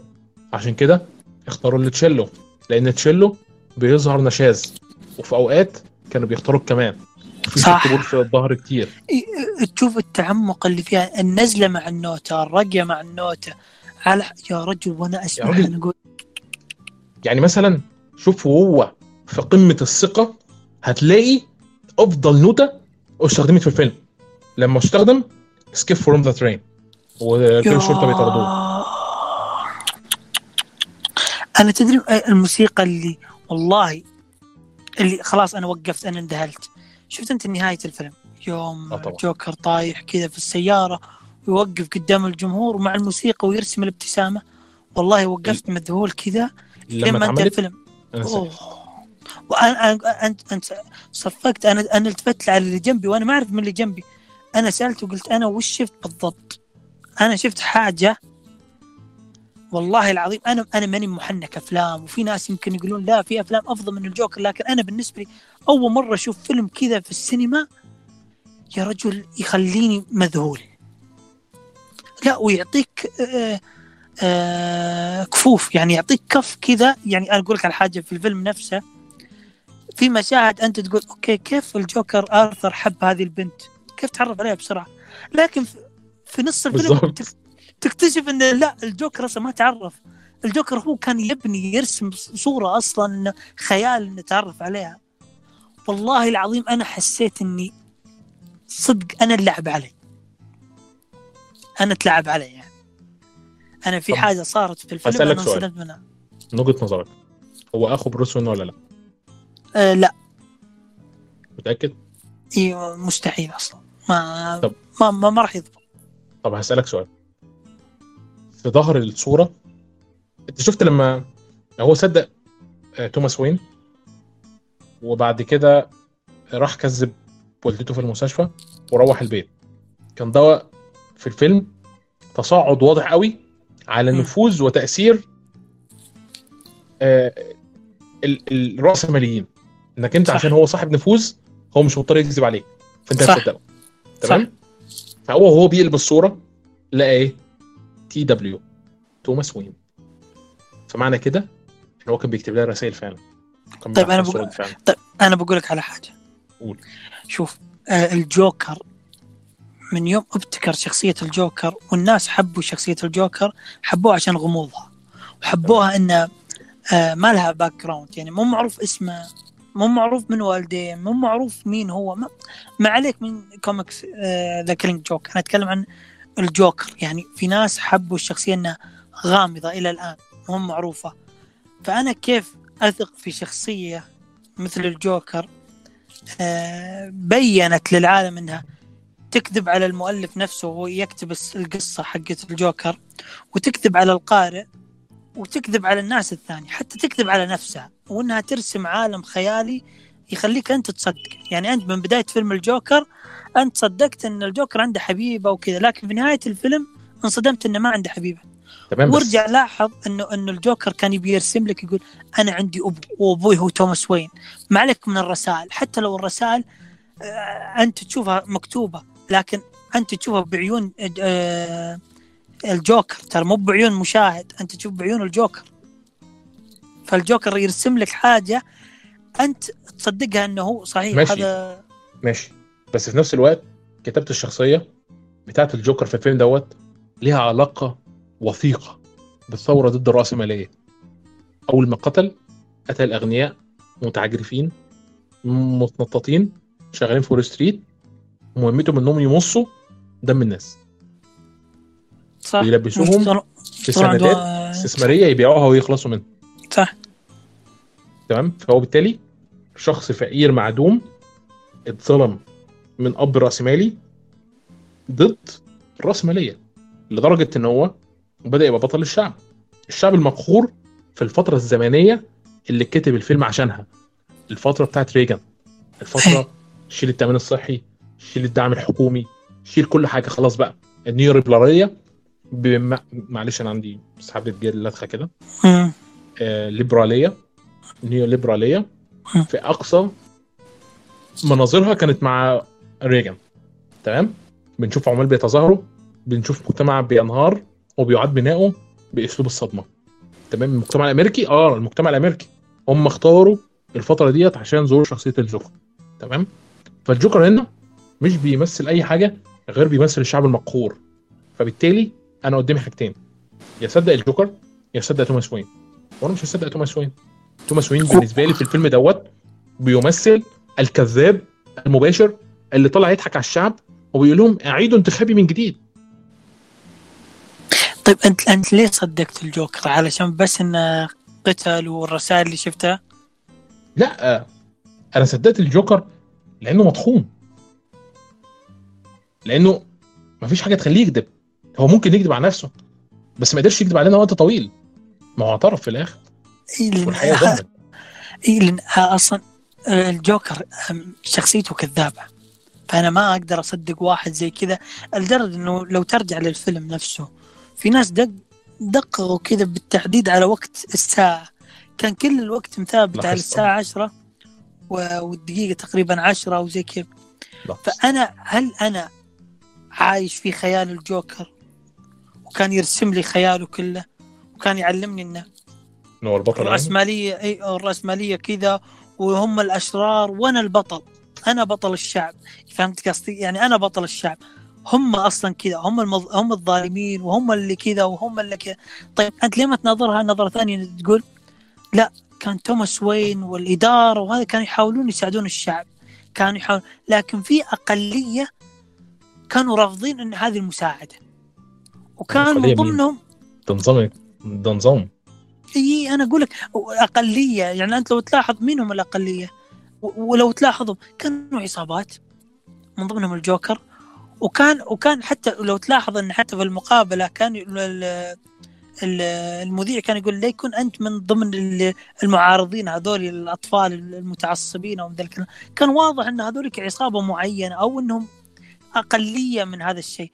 الجوكر هنا راح يرس- يرسم لك حاجة يرسم لك إن آه هذه نظرتي أنا. هذول هم المخطئين وأنا الصح. كان الفيلم مرسوم زي كذا. كل هذا راح يبان, متى؟ في الجزء الثاني بعد ما اعلنوا على الجزء الثاني راح تشوف الجوكر. بك- ب- حتى انهم قالوا راح. يقللون يقللون بس هسألك سؤال، معلش. هو النهارده Todd Phillips مثلا هو بيكتب السكريبت كان بي بعد الفيلم طبعا بيتكلم على إن أكتر حاجة لقت معارضة من الإدارة هو إن السكريبت واضح بالنسبة لشخصية الجوكر. شخصية الجوكر واضحة قوي مش مليانة غموض. هي. واضحة قوي. بالنسبة لهم دي كانت مصيبة. إن الجوكر يكون واضح. يكون واضح. كان بيتكلم وبيقول بالحرف. حواجز كبيرة لا يمكن حصرها بسبب وضوح الشخصية. وقال وخد بالك تود كاتب السيناريو هو اللي بيتكلم. بيقول وعلى الرغم من أن موضوعات السيناريو قد تعكس المجتمع الحديث إن أنه لم يكن القصد من الفيلم أن يكون سياسيا. فهو لو إحنا رايحين السياسة إحنا لسه بنتكلم في رأس مالية ولا اشتراكية برضه. صح. اي لأن لأن لأن آه، في الكتابه يبين لك إنه هو الجوكر. الجوكر هو اللي ماخذك لهذا المنحنى بالتحديد. فأنت تمام. هو برضه ما ينفعش يعني هو ليه الناس بتربط الفيلم دوت ب Taxi Driver و King of Comedy ما هو لأنه ماخوذ منه. لا مش ماخوذ على الهدف آه، اي آه. صح. القواعد الأساسية؟ طبعا. البطل عنده نفس المشكلة بتاعت سائق التاكسي. التاكسي. صح. برضه عقدة البطل أو شيء مثل هذا يعني. الراجل ده بيعتني بأمه وعنده مسؤولية و... وأنت متعاطف معاه من أول الفيلم. المخرج Todd Phillips. عارف أنت لما يبقى مخرج كوميديا عمل أربع أفلام بالظبط. اللي هو إيه Dogs War تقريبا وثلاثية Hangover دي عامل لك. حاله إخراجية. كل أنا فاكر كويس لما شفت الفيلم. قلت أنا هعمل إيه؟ هطلع في اليوتيوب أحلل كل لقطة. بعد 10 دقايق من شوف الفيلم وأطلع قدام الكاميرا أتكلم قفلت الكاميرا. إيه؟ بعد 10 دقايق من الفيلم ما هو أنا لو فضلت أطلع أحلل كل لقطة هقعد أتكلم. عليها وقت طويل. ليه؟ لأن في فيلم زي ده الإخراج فني فبالتالي كلوز اب وإن أنا آخد زاوية عريضة وإن أنا أركز على رأس الشخصية أو قدم الشخصية دي بتمثل الشيء اللي بالنسبة للمخرج عايز يوضحه لك. وفي فيلم الجوكر النوعية دي من الإخراج النوعية شبه السريالية دي كانت في أشد درجات الوضوح كالشمس في وسط السماء. لدرجة إنك أنت غالبا لو واحد متابع سينما بدرجات قليلة وفاهم ال- المخ الإخراج لما يجي يتكلم هيفهم معظم الفيلم. بس مش معظم الناس عارفه. فاهم؟ فبس من من الناحية ديت كان الفيلم بيوجه رسائل حتى من خلال الإخراج. أنا معك فيها. لأن الفيلم واضح عليه يا رجل لو أقول لك على حاجة يعني لو ترجع تشوف الفيلم مرة ومرتين وثلاث كل مالك راح تنبهر زيادة. في الفيلم من ناحية الإخراج من ناحية السكريبت من ناحية الشخصية ومن هذا الكلام. ولو نشوف آه وأرجع لك مرة ثانية إن إن إن كتابة السكريبت للجوكر بالتحديد جاية جاية كيف أقول لك؟ جاية في تصاعد. من بداية آرثر إلين توصل للجوكر. من بداية الآرثر للجوكر في ناس تعاطفت مع الجوكر لدرجة انها صارت تقول مثلا إحنا مع الجوكر صحيح. الجوكر صار في زي كذا آرثر إحنا متعاطفين معاك. وشوف في نهاية الفيلم الكل حوالين الجوكر و... وأنت البطل وأنت وأنت وأنت وأنت. فعليا أنت لو تشوف تقول آه، لا هذا مو بطل. هذا واضح إنه شرير واضح إنه فيلن واضح إن أنتم حتى أنتم أشرار. اللي قتل توماس وين و... ومارثا شخص لابس نفس الأقنعة اللي كانوا يحيون فيها الجوكر. صحيح. فكان الفيلم يعني يبني لك شخصيه ان إن يعني كان يقول لك لا تصدق الجوكر. يعني واضح إن بتدخل في دوامة. طب أنا هسألك سؤال. أنا شخصيا بعد ما شفت الفيلم فضلت سنين عندي عقده إن أنا مش عايز أشوف باتمان. مش عايز أشوف super hero. فاهم؟ فكرة باتمان اللي هو كان ال super hero المفضل بالنسبة لي أنا مش عايز اشوفه خلاص قفلت منه. بالنسبة لي كان لل... للرأس كان آه، رمز الرأسمالية إيه. ال... ال... الظالمة إيه لانك تعاطفت فيلم باتمان لانك تعاطفت مع مين؟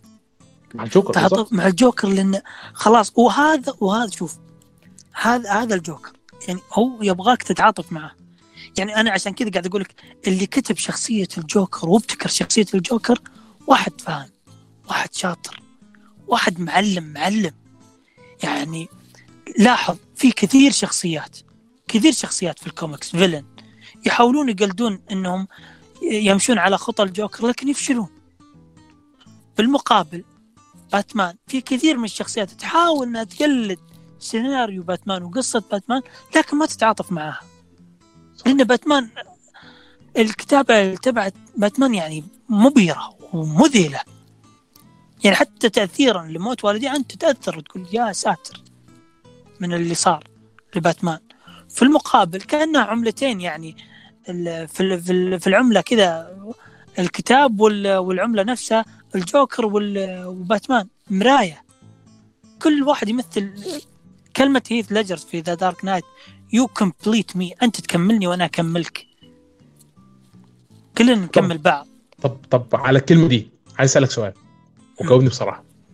الجوكر وهو بيتطور في الفيلم كان قاعد بيدخل من لونه من لون الشعر العادي لاخضر أخضر أخضر مم. لحد ما وصلنا شفت أنت لما كان إيه. في القطر؟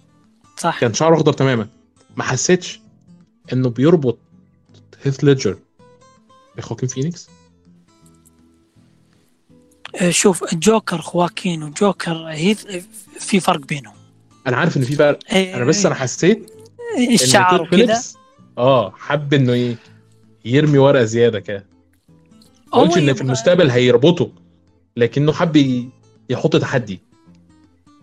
لا واضح عليك إنك آه، آه، كان اخضر وكان بيميل للأخضر. ما أدري ليك بالضبط ليه بيميل للأخضر لكن حاسس إنه هو يبي يبتعد عن مقارنته مع هيث ليجر لأن كل واحد كل جوكر يختلف عن الثاني. وأنا أنا اللي توقعت إنه هو آه، بيصبغ لونه أسود. بس من أحمر إلى أخضر وكذا وتداخل الألوان لا تداخل الألوان فوق أحمر ومن تحت أخضر حق خواكين. واو. إيه. طب أنا هقول لك على حاجة ظريفة. أنت عارف آه، إن الفيلم اتوقف له في مهرجان البندقية؟ 8 إيه. دقايق بيسقفوا له. صح.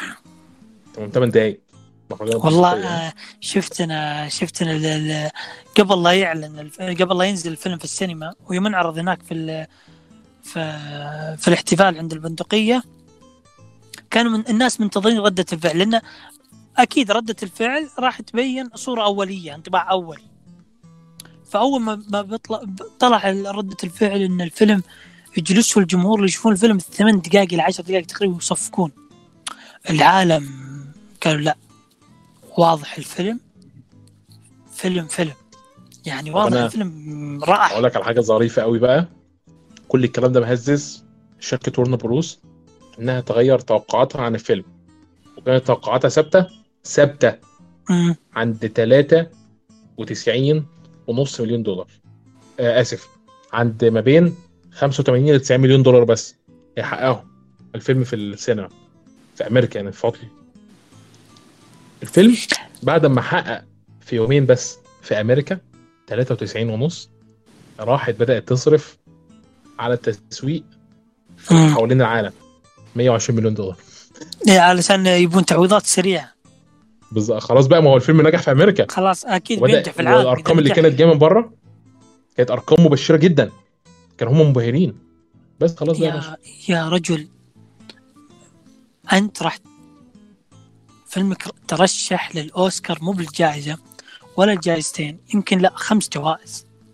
وأخذ منها أتوقع جائزتين أو ثلاثة أتوقع بالظبط تقريبا كذا. أفضل ممثل موسيقى. مع أن الأفلام ذيك السنة 2019 ترى كانت يا لهوي يا لهوي.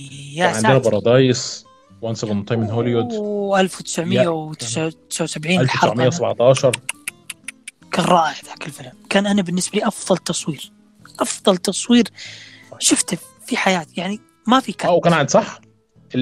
مارتن سكورسيزي كان. ساب جوكر عشان ذا ايريشمان اذا إيش من حق آه،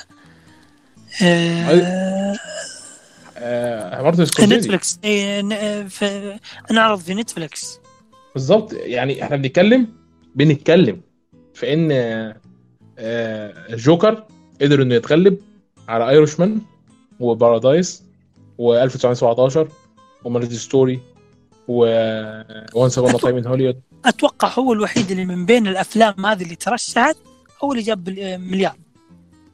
ترى. مقا- مقارنة بينه هو اللي جاب مليار. أيوة. يعني جاب جاب يعني تخيل أنت جاب 200% أو 300%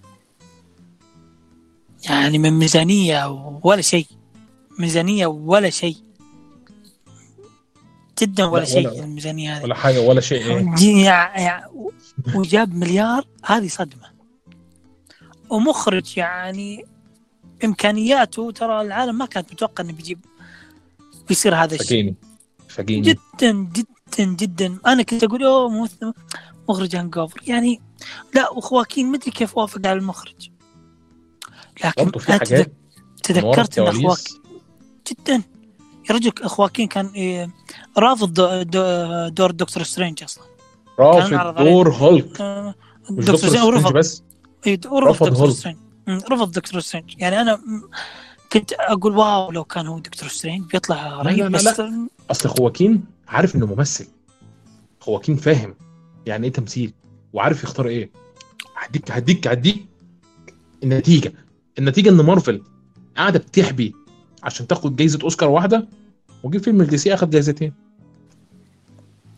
جوكر شكرا وذا دارك نايت وسوسايد سكواد أو صح وذا دارك نايت وزاك سنايدر. وزاك سنايدر في فيلم جاستس ليج يعني أفضل كمان لقطة أنت- يعني- أفضل لقطة. مم. وعلى فكرة يعني الفيلم ده لو كان نزل سينما لا لا.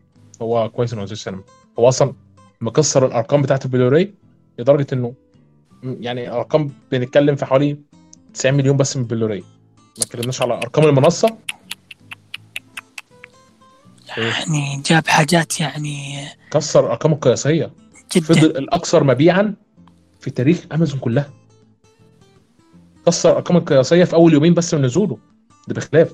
إن إدارة و... آه، إدارة HBO Max ما رضتش بأمر من إدارة Warner Bros تطلع تقول الارقام بتاعه الاشتراكات إيه صح والمشاهدات بتاعه الفيلم. اشمعنى ده بالذات ما حدش يعرف؟ شوف أنا عشان كذا قاعد أقول في الإدارة الجديدة آه كل شيء راح يبين في DC FanDome. في DC FanDome بالتحديد راح نعرف خطه دي سي. الإدارة آه الإدارة. واضح عليها إنها فيها حاجات راح تتغير. يعني لا- الأيام الجاية راح نسمع أخبار احتمال. يا عم كفايه هي هي بدأت. دخلت كده بصت لل CW لغت تلات ارباع العالم. خلاص. أنا. أقول لك على حاجة. احتمال تقول okay. فيلم The Flash؟ لا تعال يا ذا فلاش أنا راح أغير الممثل وراح نشيل اللقطات اللي فيها الممثل وتحطون هذا الممثل. هو ال- الأخبار من ورا الكواليس بتقول على حاجتين. إنهم بيعيدوا تمثيل. أدوار آه، اسمها إيه؟ اللي آه؟ ميرا. إيه. آه. بيبقى ممثله تانية. محدش يعرف هي مين والإدارة ذات نفسها ما طلعتش بتصريح نفسي. صح. الحاجات الحاجة التانية هو إن فيلم The Flash أساسا احتمال يتلغى هم بيحاولوا دلوقتي يصلحوا فيلم The Flash. بس أنا ما احتمال كبير أنا مش لو أنا كانت- لو- شوف لو آه الميزانية حقت فيلم أصلا ضخمه دف إحنا معدي معديين 250 إيه ف... لحد دلوقتي إحنا عندنا شوف 250 أ- أ- أنا ما أبغى ي- وأنا مش يلا. غير ما بص أقول لك حاجة. خلاص اعرضوا خلاص يعني خلاص. DC النهارده؟ DC النهارده هي ماركة ب- بمليارات. تمام؟ صح. أنا النهارده ال- ال- الإدارة بتتكلم أنا النهارده لو فيلم The Flash كارثة مؤثر عليا أنا مش عايز ال 250 مليون. ليه؟ لأني طالما إن أنا بدأت أمشي بنظام وبدأت أعمل hype حوالين الأفلام بتاعتي وأدير أسلوبي بشكل كويس. خلاص يا راجل هي مارفل عندها Marvel FanDome أساسا. لا. دلوقتي ممكن تعمل كده. إنما لحد سنتين ثلاثة اللي فاتوا مارفل ما كانش عندها الجرأة أساسا. أساسا. ليه؟ لأنها ما بداتش تتعدل الا 2014 يعني ديزني لما راحت استحوذت عليها بملاليم ليه؟ عشان تصرف. ما ما كانوش هيبيعوها. لو مارفل كانت ناجحة مارفل ما كانتش ناجحة. مارفل كانت أضحوكة. طول عمرها أضحوكة. إنما أنت دي سي تاريخ عندك مؤتمر كامل لوحدك عندك الشجاعة والقدرة إنك كده تعمله وعارف إنه هيحصل باهتمام إعلامي وإن الجماهير هتتابعه. وناس كتير في أنحاء العالم مستنياه وبتسرب أخباره وفيديوهات منه حتى لو أنت قفلت ال- المؤتمرات. يا راجل ده أنت رحت قفلت مؤتمر الشركة ما ما سبت الحضور محدود عشان ال fans كان عندهم أمال حط محطوطه على المؤتمر. قال لهم لا لا لا يقفلوا لي ال- البث المباشر اللي هيتعمل صح. فاهم انت عندك DC FanDome انت DC انت عارف النهارده انك لو ظبطت العالم بتاعك هتنزل تجيب المليار وال 2 مليار بالراحة. عشان كذا أنا أقول لك لازم فيلم فلاش ينعرض في السينما. عادي يعرضوا حتى شوف أبلع الخسارة. ابلع الخسارة عادي. ما ما راح أشوف. ما راح يعني يخسر هو دقيقة خسارة. ما راح بيحافظ على ال franchise بتاعته. ما هو دي مهمة. إي يعني لو فلاش هيحطم المفهوم بتاع ال DC مش عايزه. كده كده الفيلم اللي بعده أو اللي بعده أو اللي بعده هيجيب له الخسائر دي. صحيح إحنا بنتكلم في خسائر ضخمة على فكرة مش بسيطه أعتقد صح. إن خسائر الشركة لحد دلوقتي م- مجموع الافلام اللي لو لغيتها بس داخلة في 200 مليون. 200 الفيلم فلاش لحاله 200 مع فيلم Batgirl هذا 270 مليون. عم مع الأفلام آه، مع الأفلام الثانية اللي راح تتلغى والمسلسلات وهذا يمكن بيوصل 600 500 مليون. يعني أنت متخيل؟ فأنا أقل الخسائر أقل الخسائر راح اسويها إحنا ما أنا اتكلمناش أنا في اعاده الغي- تصوير فيلم Aquaman وفيلم وفيلم آه، ومسلسل Green آه، Lantern. و Green Lantern اللي كانوا بدأوا يكتبوا فيه واتلغى. والمسلسل Twins اللي ال- آه، فيلم Twins. إيه؟ ففي أشياء أنا ليه أخسر؟ خلاص فيلم فلاش خلاص. بعرضه لكن بحاول أعدل فيه بقدر المستطاع اقلل الأضرار. وإذا جاب لي 500 600 700 مليون شكرا. حلو. خلاص ابدا أبدأ أسوي عالم بشويش كويس. بشويش. هو إيه. النهارده فيلم The Flash. ميزانيته قبل ما يتأجل كانت ب 200 من 200 مليون. صح. كده؟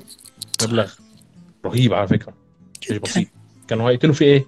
Ben Affleck و Ben Affleck طلع يتكلم وقال وداع جميل للشخصية وخلاص. الراجل انسحب تماما من عالم DC. إيه اللي الإدارة عملته؟ عشان تخلي تأجيل فيلم The Flash و Aquaman سنة كاملة سنة كاملة. عايز اتخيل كم الخسائر اللي هي خسرتها بالتأجيل ده؟ ده حاجات ما بتتحسبش. خد بالك. تمام؟ صح عشان تعيد تصوير مشاهد في Aquaman يعني معنى كده عملت إيه؟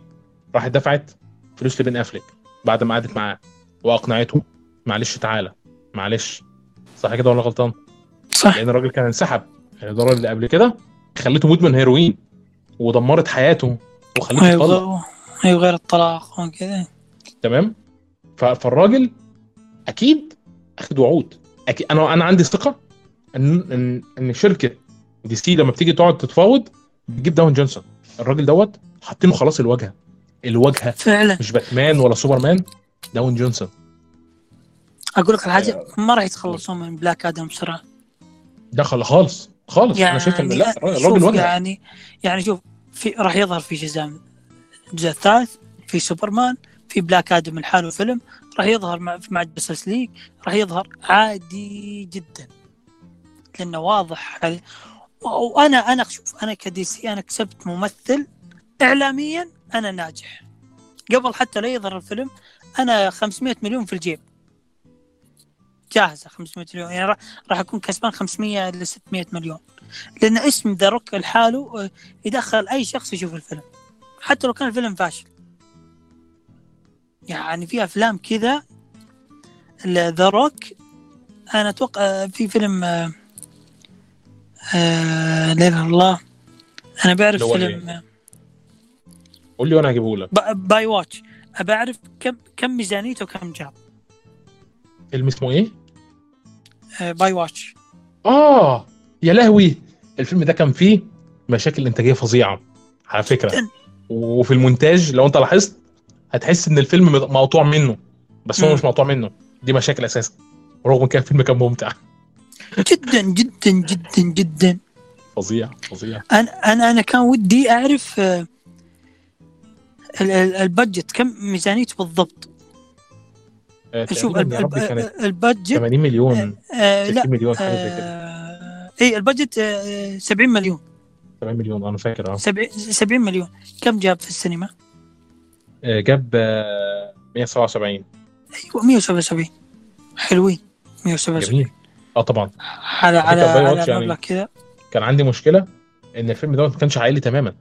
بالرغم من نعم. العمري طبعا لكنه واضح جدا انه مش عائلي. يعني في حاجات كده اللي هو أنت بتبقى عارف التصنيف العمري أيوه. 13 عادي بس أنت مش هتدخل عيالك يشوفوه. الفيلم ده بقى rated R تخيل؟ فعشان كده من ناحية التصنيف العمري الفيلم دوت بالنسبة لي نجح. يا رجل آه، جومانجي. جومانجي أوه مليار. جومانجي. مليار. الميزانية 90 مليون. جاب آه الظاهر بحدود المليار 970 م- م- مليون. لا. بس أنا أسألك سؤال وعايزك تجاوبني بجد. آه يا ربي آه، دوين جونسون لما دخل Fast and Furious مش حسن السلسلة؟ جدا والله لا. أقول لك على حاجة؟ قول. لا تروح بعيد شوف الممثل نفسه فان ديزل. راح تكلم مع ذا روك في, في ما الانستغرام. بحبوش وراح تكلم مع ذا. روك في الانستغرام. آه إنه خلاص وش رايك نرجع يا brother وصديقي وحنا رفض. family والثاني رفض لا ليه ليه جونسون ر- إيه ليه. رفض؟ ليه ليه رفض؟ لأن أنت توك تعرف إن قيمتي الحين بعد خسارتك في بعض؟ الفاشل المعفن. الفاشل اللي اللي صار فجأة خيالي بزيادة وطيران و... ومدافع ومدري إيش وبالفضاء و... يعني شوف جومانجي الجزء الثاني الميزانية 125 مليون. الجزء. الثاني ما كان ممتع يعني ما كان ممتع, ممتع زي زي الجزء الأول. مش زي كم الجزء جاب الأول. إيرادات؟ 800 عدى مليون. ال 800 800 أقل من الجزء الأول. يعني بس جاب 800 يعني تخيل 8 أضعاف. في- 8 أضعاف أنت المبلغ ده كويس جدا.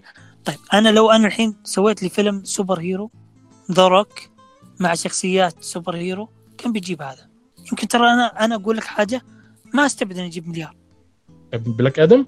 أنا إيه، متوقع بس- يعني أنا مش عايز مش إيه. عايز أحط على بلاك آدم حمل أكبر من اللي هو هياخده. 800 بس 800 بلاك آدم من 800 ل كي يكسر مليار. بس أنا ده توقعي. فمش عايز أصدم نفسي بس. ولا إيه، نزل ما- وفشل أنا أنا أتوقع مثلك بالضبط يعني 800 أو كذا. من الأقرب إنه يوض... يجيب بالراحة يعني. يمكن أتوقع كذا على المبالغ هذه بالنسبة لي مليار مليار أتوقع وإن وب- وب- وبالراحة. لا نروح بعيد فيلم ال آه، شو اسمه هذا؟ آه فيلم حق ديزني اللي صار آه، جنجل آه أو Jungle. أيوه أيوه. ما أعرف كم جاب بالضبط. أصل اتعرض في ديزني بلس في نفس الوقت بس جاب رغم كده جاب فلوس في السينما كويسة قوي آه، شوف ال budget 200 مليون وجاب آه. في ال box office 220 حلو جدا. ده اتعرض على ديزني بلس فكرة ديزني بلس يعني آه. كانت في موجودة في, في نفس الوقت في أوروبا أمريكا اللاتينية آه، أمريكا okay. الشمالية كلها. آه تمام. ما كانش في إلا الوطن العربي وبعد الأماكن وتركيا الوطن العربي وتركيا. وعدد من الأماكن كانت مأجلة دخولها لآخر السنة. فإنه مم. جاب المبلغ ده في السينما ده يقول لك قد إيه الناس كانت عايزة تدخل فيلم عائلي في السينما لدون جونسون. مش أكتر من كده يعني. برغم من التلميحات الجنسية طبعا. الفيلم اتمنع عندنا. في السينما أصلا بسبب التلميحات الجنسية. صح. ال- الشذوذ وكده. صح. يعني لا تروح بعيد ال animation حق ذا روك. الميزانية 90 مليون الحين جاب 50 مليون. آه، ميزانية مين؟ آه DC آه حق ال- ال- ال- شو اسمه ال Super Pets. آه ده لسه نزل. إيه، ده لسه ما اتفرجتش عليه. اي ميزانيته 90 مليون. جميل. 90 مليون وحاليا جايب 50 جايب 50 في يومين؟ تقريبا ممكن 50 هو في يومين انعرض؟ بقى يومين بس. آه ويوم. آه يلا حاجة زي كده 50 شوف جاب 50 انت متخيل 50 50 مليون. حلو جدا. في يعني في أفلام ذا روك أنت تجلس كذا تقول واو. في فيلم فيلم والله مو يعني مو معروف. ميزانيته 125 مليون جاب 300 مليون. ما سمعتش عنه اسمه إيه؟ سكاي سكاي سكريبر.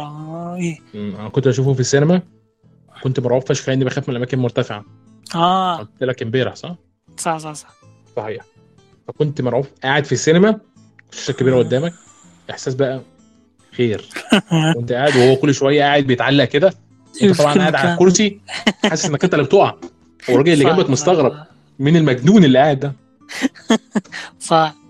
يعني أقول لك الحين هو سمعته يا راجل يجيب الراجل هذا ذهب. على فكرة الأرقام اللي جايبها كويسة جدا. الراجل جايب في خمس أيام 47 مليون. آه يلا لسه ما. دخلناش لا في. عطله نهايه الأسبوع الأمريكية. ولا في عطله نهايه الأسبوع الشرق الاسيويه فاهم؟ اللي هي بتاعتنا. الشرق. الأوسط والشرق الأقصى والشرق الاسيوي يعني كل دوت لسه دخلناش في عطل نهاية الأسبوع. كويس إنهم نزلوا الفيلم دلوقتي. ده كويس جدا. وباقي يعني. شوف, شوف باقي أفلام يعني حتى في أفلام يعني هو ما اتعرضش غير في 4300 صالة عرض. بس الرقم دوت على فكرة كويس جدا. والله انت مش متخيل. الرقم ده كويس جدا.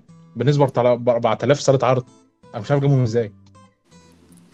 يا رجل في له أفلام. والله يعني ميزانيته مثلا هيركليز يا حبيته. حبيته ما- ميزانيته 100 100 مليون. الايرادات 245 مليون. فاشل. فاشل اراديا. فهمت؟ بس أنا فاهم ليه. 2014 ما أدري ليه أنا ما شفته ترى. الفيلم أنا فاهم آه، آه، الفيلم كان مموع بالنسبة لناس كتير. مش مناسب مم. لل للسينما. آه. نوعية تاريخية محرفين عليها ومش مناسب خالص. أعتقد دون جونسون اتعلم كتير قوي من تجارب السينما المختلفة اللي هو دخلها. صح. أنا عشان كذا قاعد أقول الاختبار الحقيقي لذا روك هو بلاك آدم. صحيح. ما عاد من أفلامه السابقة كلها هيركوليز Fast Furious أي أي ايا كان الفيلم اللي قبل. حتى لو كان wow ناجح جاب مليار لا لا. ما عليك من المليار هذه اللي جاب بالراحة يجي بس الاختبار الحقيقي له هو بلاك آدم ليه بلاك آدم بالتحديد؟ من حماسه لبلاك آدم من آه احتكاره ل Black. Adam من من, من احتكاره واحتكاره للشخصية من 2007 أنت متخيل من 2007 هو عايزها؟ موقعين معاه Warner Brothers انه هو Black Adam أو زي كذا. في أخبار قديم من 2007 إن The Rock Black Adam فكرة أنت عارف إن هو اشتغل على جسمه جامد. دي مش أول مرة في تاريخه يعني برضه. بس هو اشتغل على جسمه جامد. وتدري انه رافض إنهم- ان إيه. في البدلة مفيش حشو؟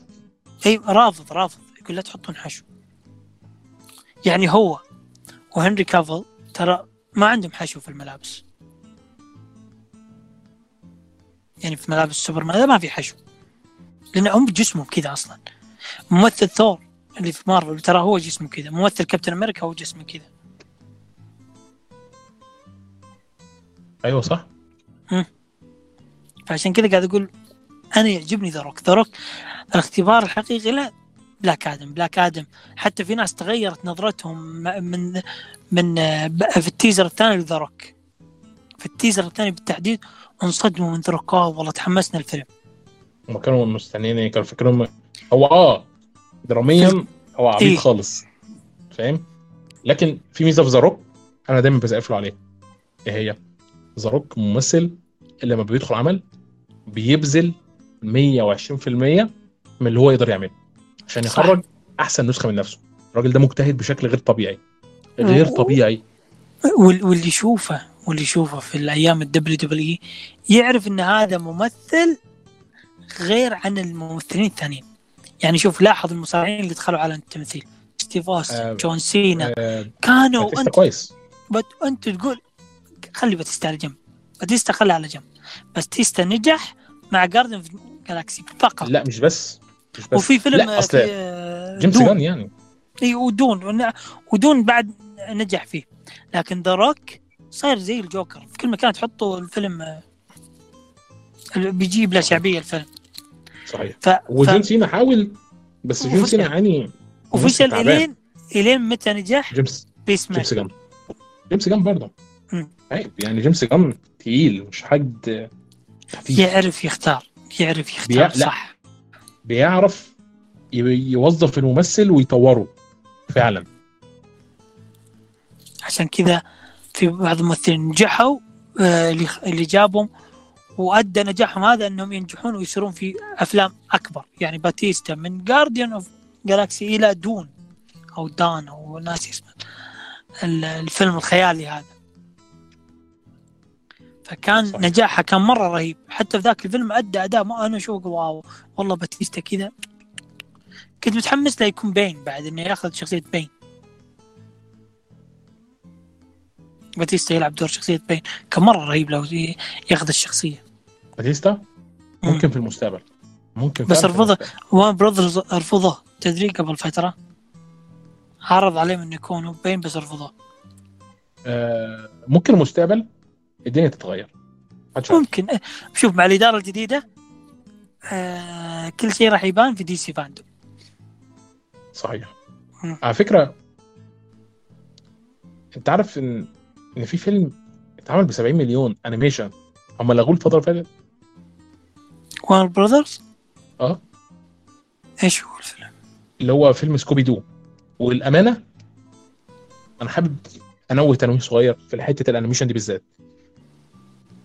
Warner Bros تحس إنها تخلت من فترة طويلة عن منافسة آه Disney و DreamWorks فبالتالي مسلسلات ال animation بتاعها كانت غاية في السوء. يا remake لأعمال قديمة أسطورية وعبقرية. بيقدموها بأسوأ أسلوب. يا animation للكبار مش مصروف عليه بربع جنيه حاجة. تمام. فاللي هم بيعملوه وعلاقته ب DC هقول لك دلوقتي إن هم لغوا الفيلم ال animation ده اللي هو بتاع Scooby-Doo الجزء الثاني عشان هم عايزين Warner Bros Animation ترتقي بأعمالها عشان تنافس Disney و DreamWorks أقول أنا أقول لك على حاجة. أنا أنا لازلت مستغرب إن ال animation العالم DC اللي صار آه، Flashpoint ما انعرض على السينما. وقتها. إنما في بعد أنا- كده الدنيا اتدمرت خالص. أنا عشان كذا قاعد أقول لك لو انعرض على السينما كان يا ساتر. يا ساتر. تحفة. يا أخي نهاية العالم كانت نهاية جميلة. صح. نهاية يعني شوف آه، عشان كذا العالم يركزون يقول لك إذا كان النهاية حلوة بغض النظر عن اللي صاير بالنص يكون العالم حلو. ناخذ على. سبيل المثال Game of Thrones من أول موسم كان حلو يا سلام سلم ماشي عشرة على عشرة. في النهاية عبيطة. يعني الناس كانوا يقولون يقولون فيلم حلو المسلسل حلو لكن النهاية يعني فاشلة. يعني أنا ما آخر ثلاث أربع مواسم كده يا باشا بس. جدا. أما animation DC يا ساتر يا حسن. يا رعب غير طبيعي. واقع واقع من 2016 طب تفتكر معايا؟ تيجي تعالى نفتكر. إحنا كان عندنا آه فيلم بيتكلم عن نسخة سوبرمان آه في آه عالم تاني لما بتتصور بشكل سياسي. بيبدأ إيه. مظاهرات ومؤيدين واخد دور ديكتاتوري صح. أنا ناسي اسم الفيلم دوت. وفي فيلم تاني؟ آه قول قول. آه أنا عرفت الفيلم بس آه آه بحاول أجيب لك اسمه. كمل كمل. و- وفي فيلم تاني اللي DC كان Justice League هنا قبل Justice League هنا وكانت نهايته باتمان باتمان يعني مم. باتمان هنا وباتمان هنا والاتنين بيعلموا على بعض. كم الدهاء اللي موجود في باتمان الشرير وظلمته؟ كانت مرعبة. كان عندنا Flashpoint طبعا. كان عندنا أعمال الزمن الجميل. أعمال 2009 و2010 أعمال Under Red Hood Batman Son Batman Hush. Batman Hush يا لهوي على Batman Hush وجمال Batman Hush عندنا Justice League Dark Justice League عندنا War و Justice League War Justice League Doom و Justice League Doom وعندنا آه. Wonder Woman 2009 وعندنا في في نسخ اللي هي يا ربي Justice Society لما كان واقف مع ليكس لوثر لما مم. بقى رئيس الولايات المتحدة. عندنا DC Showcase آه، أتوقع آه، في فيلم بعد آه،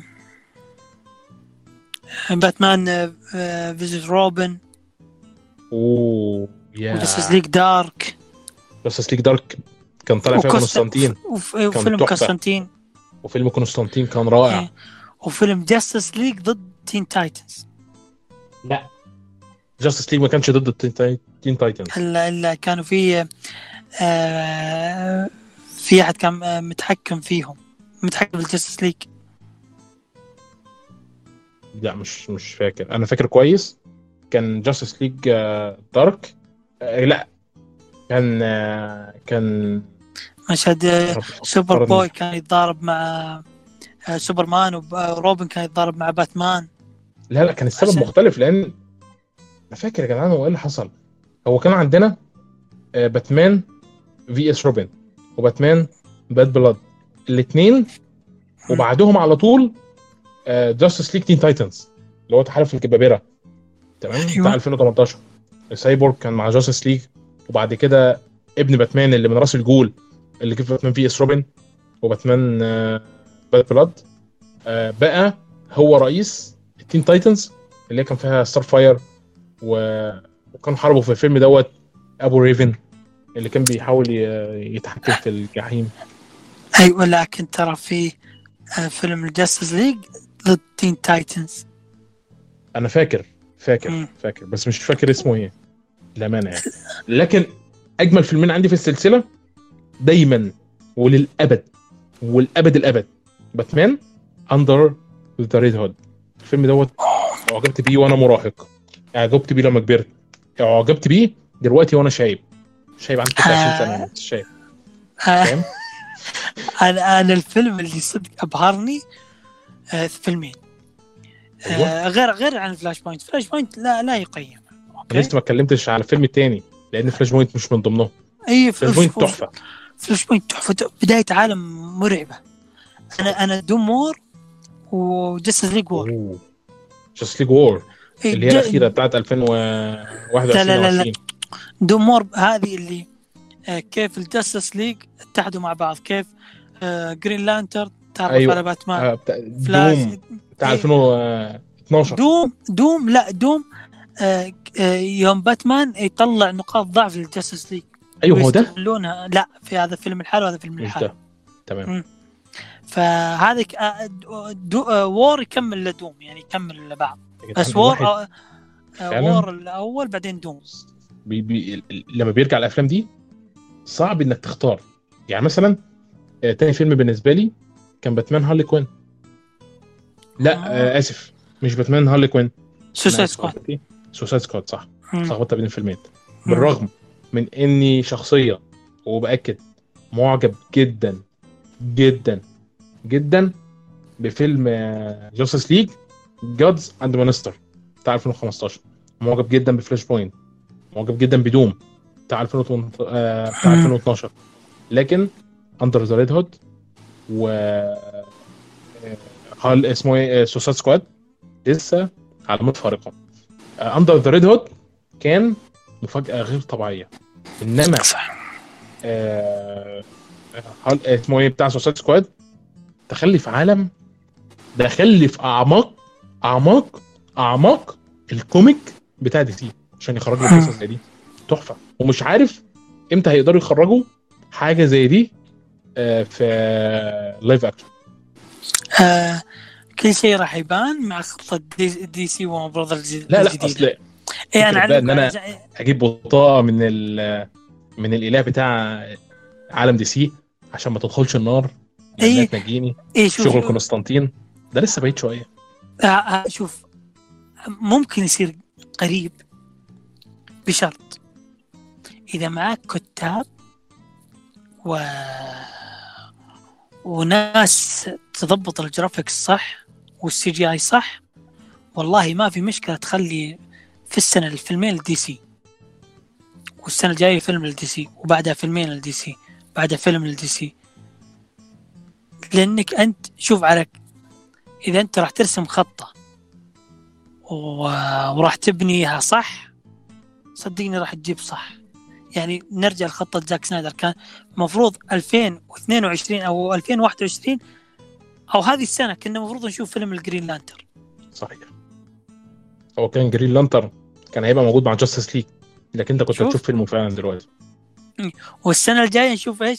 ال Justice League الجزء الثاني موت باتمان. صحيح. وغير Teen Titans وجاس Young Justice League و Justice League Dark وغيرها وغيرها وغيرها وغيرها من الشخصيات. فأنت إذا بترسم خطة لازم ترسم خطة على بعيد المدى. يعني شوف كيفن فاجي من 2005 من 2008 رسم خطة بعيدة. okay أنا راح أخسر بالبداية لكن راح أعوض خسارتي في ثلاث أفلام قدام أو أربع أفلام. راح أجيب مليار في كل فيلم. ويا ريته خسر. حتى ما خسرش. مستحيل. انسى. انسى تشوف خسارة له. إلا في الوقت الحالي. الوقت الحالي مصايب جالسة تصير عندهم. في دي سي؟ في مارفل. في مارفل آه. خصوصا بعد الإعلانات ال- الجديدة المارفل هم هم حرين. يعني هي نص الشخصيات بقى أجندة. اشرب ميتها. مش عايز الحين جالسين يسمونهم على كلام آه، واحد من الشباب آه، تعرفوا عبد الباري الترفكو آه. آه، يقول آه، الحين في هاشتاجات عند الأجانب يسمون ام سي يو ام سي يو بالشي لأنه صار آه. كل الأبطال في افنجرز شي. كابتن مارفل كويس والله إنهم طلعوا. الاجانب ف- طلع لهم صوت. اي فهمت. ف... ما كنت ف- فاكرهم هيفضلوا ساكتين للأبد. اي أنا أنا ضحكت على الكلام قلت والله والله توني استوعب صح صادق. كل السوبر صاروا she فعليا صاروا she يعني الحين أنت آه، آه، Galactus و و Doctor Doom راح تشوفهم يتضربون مع she ما راح يتضربون مع he. كلهم راح تشوف ال fight ات مع she آه، المشكلة ان دمهم تقيل. يا ريتهم حتى ممثلين كويسين. لا فعلا. أنا كنت احب دي مصيبة. أنا كنت أحب الممثله وش رأيك؟ كنت wow! كانت عندي في فيلم Room. يا ساتر. كنت هي كان أقول في فيلم Room كويس. كانت تحفة. كنت أقول يا سلام بس يوم شفتها في Captain Marvel وشفت ال interview أنا كرهتها كرة غير طبيعي شفت ال interview بتعمله كانت عاملة إزاي؟ يا الله. شخصية قميئة. ومتغطرسة. جدا. فيها فيها كبر غير طبيعي طيب ترى Captain Marvel. Captain في النهاية Captain Marvel. شخصية Wonder Woman أفضل منها بمراحل. جدا. يعني لو لا لا تحاولي تسوي تسوين فيها انك انت الاقوى. لا لا, ترى Captain Marvel. يعني بناء Captain Marvel. أنا. كذا أنا بعدها أنا أنا كنت من أنا ما كنت أحب الشخصية من أيام Civil War في ال comic وبعد ما أعلنوا إن الممثله أخذت دور شخصيه Captain Marvel قلت أنا ممكن راح يتغير رأيي ممكن راح يتغير رأيي. لكن بعد ما شفت ال trailers والفيلم يا ساتر! ونهايتها في Endgame أنا قلت معليش والله مارفل في انحدار واضح جدا جدا. حتى بعد الإعلانات للمارفل. لل phase الخامس والسادس ما. حمسني ابدا.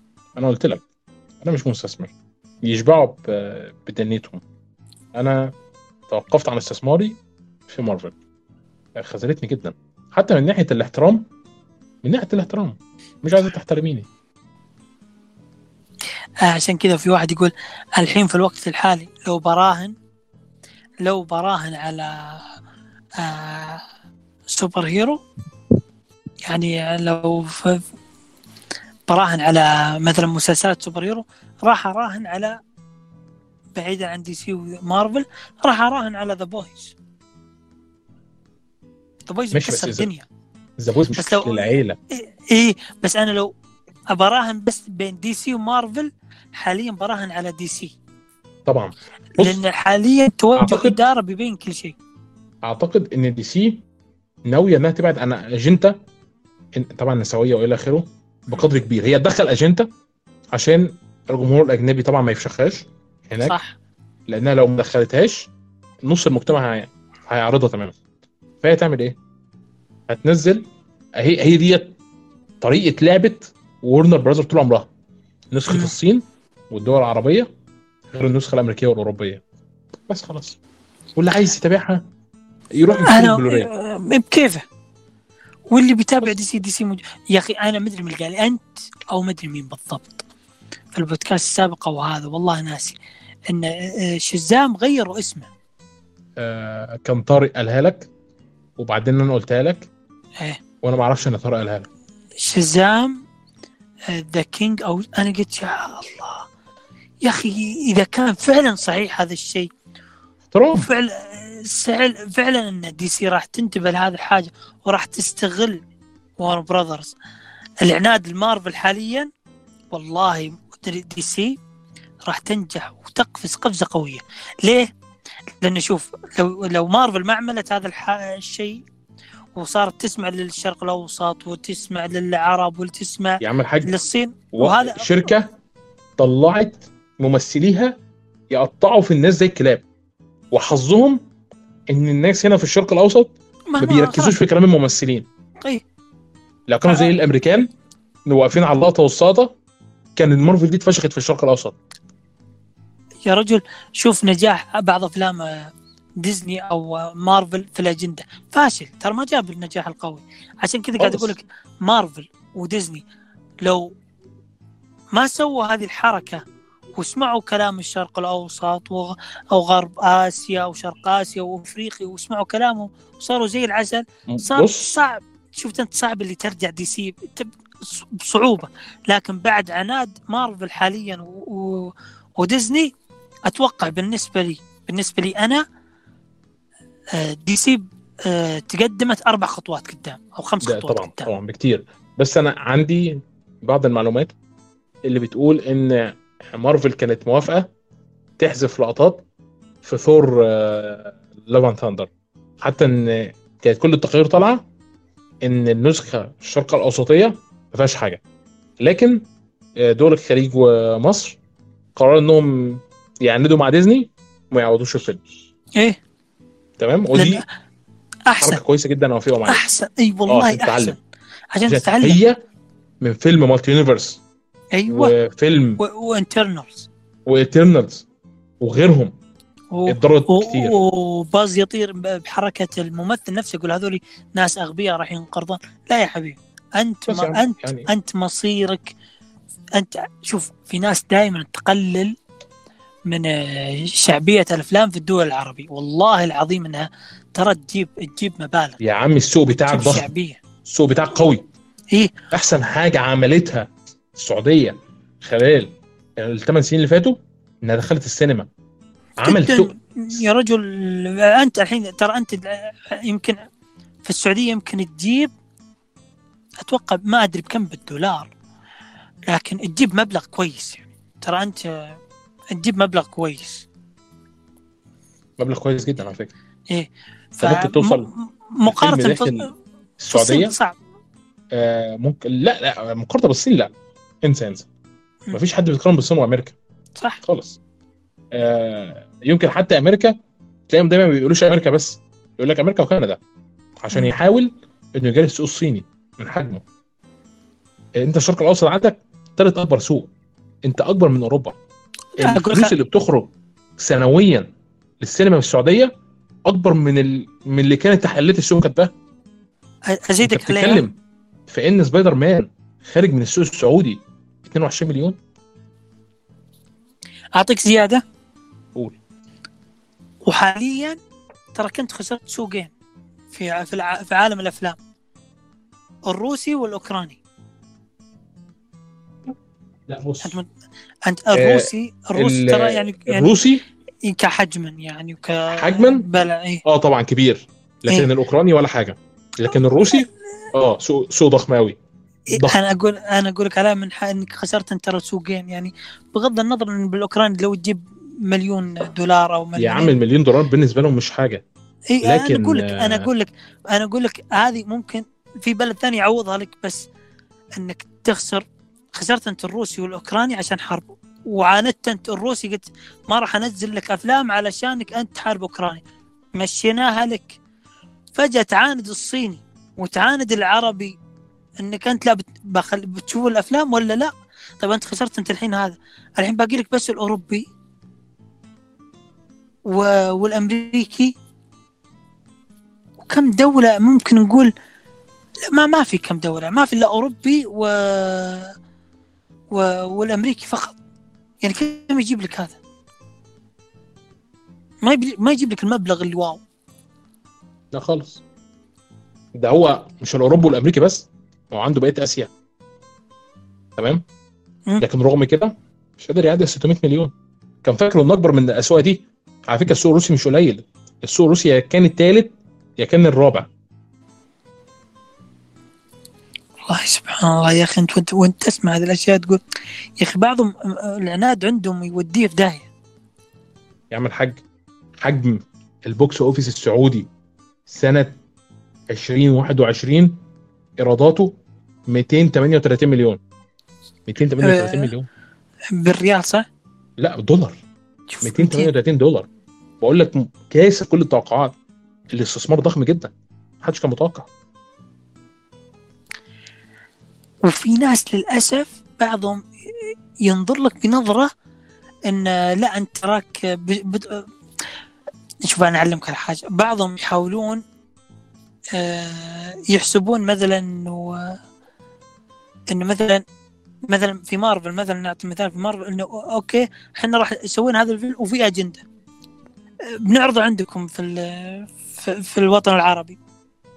آه. وأكيد إذا رفضت ال- الوزارات وهذا أكيد آه، الناس في التويتر لا نبغى نشوفه ما أدري إيش.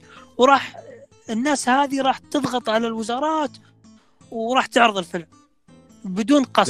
يا عم يا عم بس؟ بس بشويش بشويش يا محمد. يا. محمد بص عشان بس محدش يضحك على نفسه ونكون واضحين. اديني رقم وأنا هفاجئك دلوقتي. حجم السوق ال Middle East في ال box office كام؟ العالمي. ادي رقم.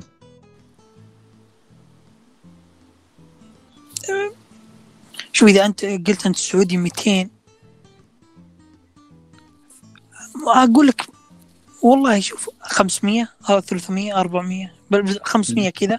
لا. أقل؟ لا. أرفع بعد؟ أرفع ها؟ آه، ارفع. 800 700 800 مليون تتجاوز. تتجاوز ال 800 مليون دولار. 2022 تمام؟ ملهاش أرقام محددة لل لسقف الارتفاع. تمام لكن متوسط الإيرادات بيتكلموا إنها هتكون آخر السنة متعدية المليار دولار. سوق الشرق الأوسط لسنة 2022 متوقع إنه يكسب مليار دولار. سوق الشرق الأوسط السنة اللي فاتت المالية اللي اتقفلت 800 مليون دولار. أنت توقعت؟ يا ساتر. يعني في 800 افلام مليون دولار. يعني Endgame Endgame نجح إنه يوصل ذا الرقم المليارين بفضل إحنا. بفضلكم إحنا يعني. أيوه يا أيوه آه دي حقيقة. مين ينكر؟ السعودية فيها نمو بنسبة بص أنا مش عارف السعودية تقريبا آخر رقم كنت شفته كان 61 و4 من عشرة تقريبا. تقريبا. تمام؟ آه للسنة الجاية. تقريبا طبعا لما أتذكر يعني. مم. ده السعودية لوحدها. لكن ده إحنا بنتكلم على الشرق الأوسط كله تمام؟ إحنا عندنا أصلا مشكلة في العالم كله إن في حالة نزول حاد في أسواق السينما. صح. والشرق الأوسط بيمثل الحالة الشاذة. محدش مصدق. بيقول لك شباك التذاكر في مجلس التعاون الخليجي والأردن ولبنان بس سنة 2024 ب... شوف مجلس التعاون الخليجي والأردن تمام؟ هيوصل لكام الايرادات 1.3 من عشرة مليار دولار. ده سوق. يا ساتر.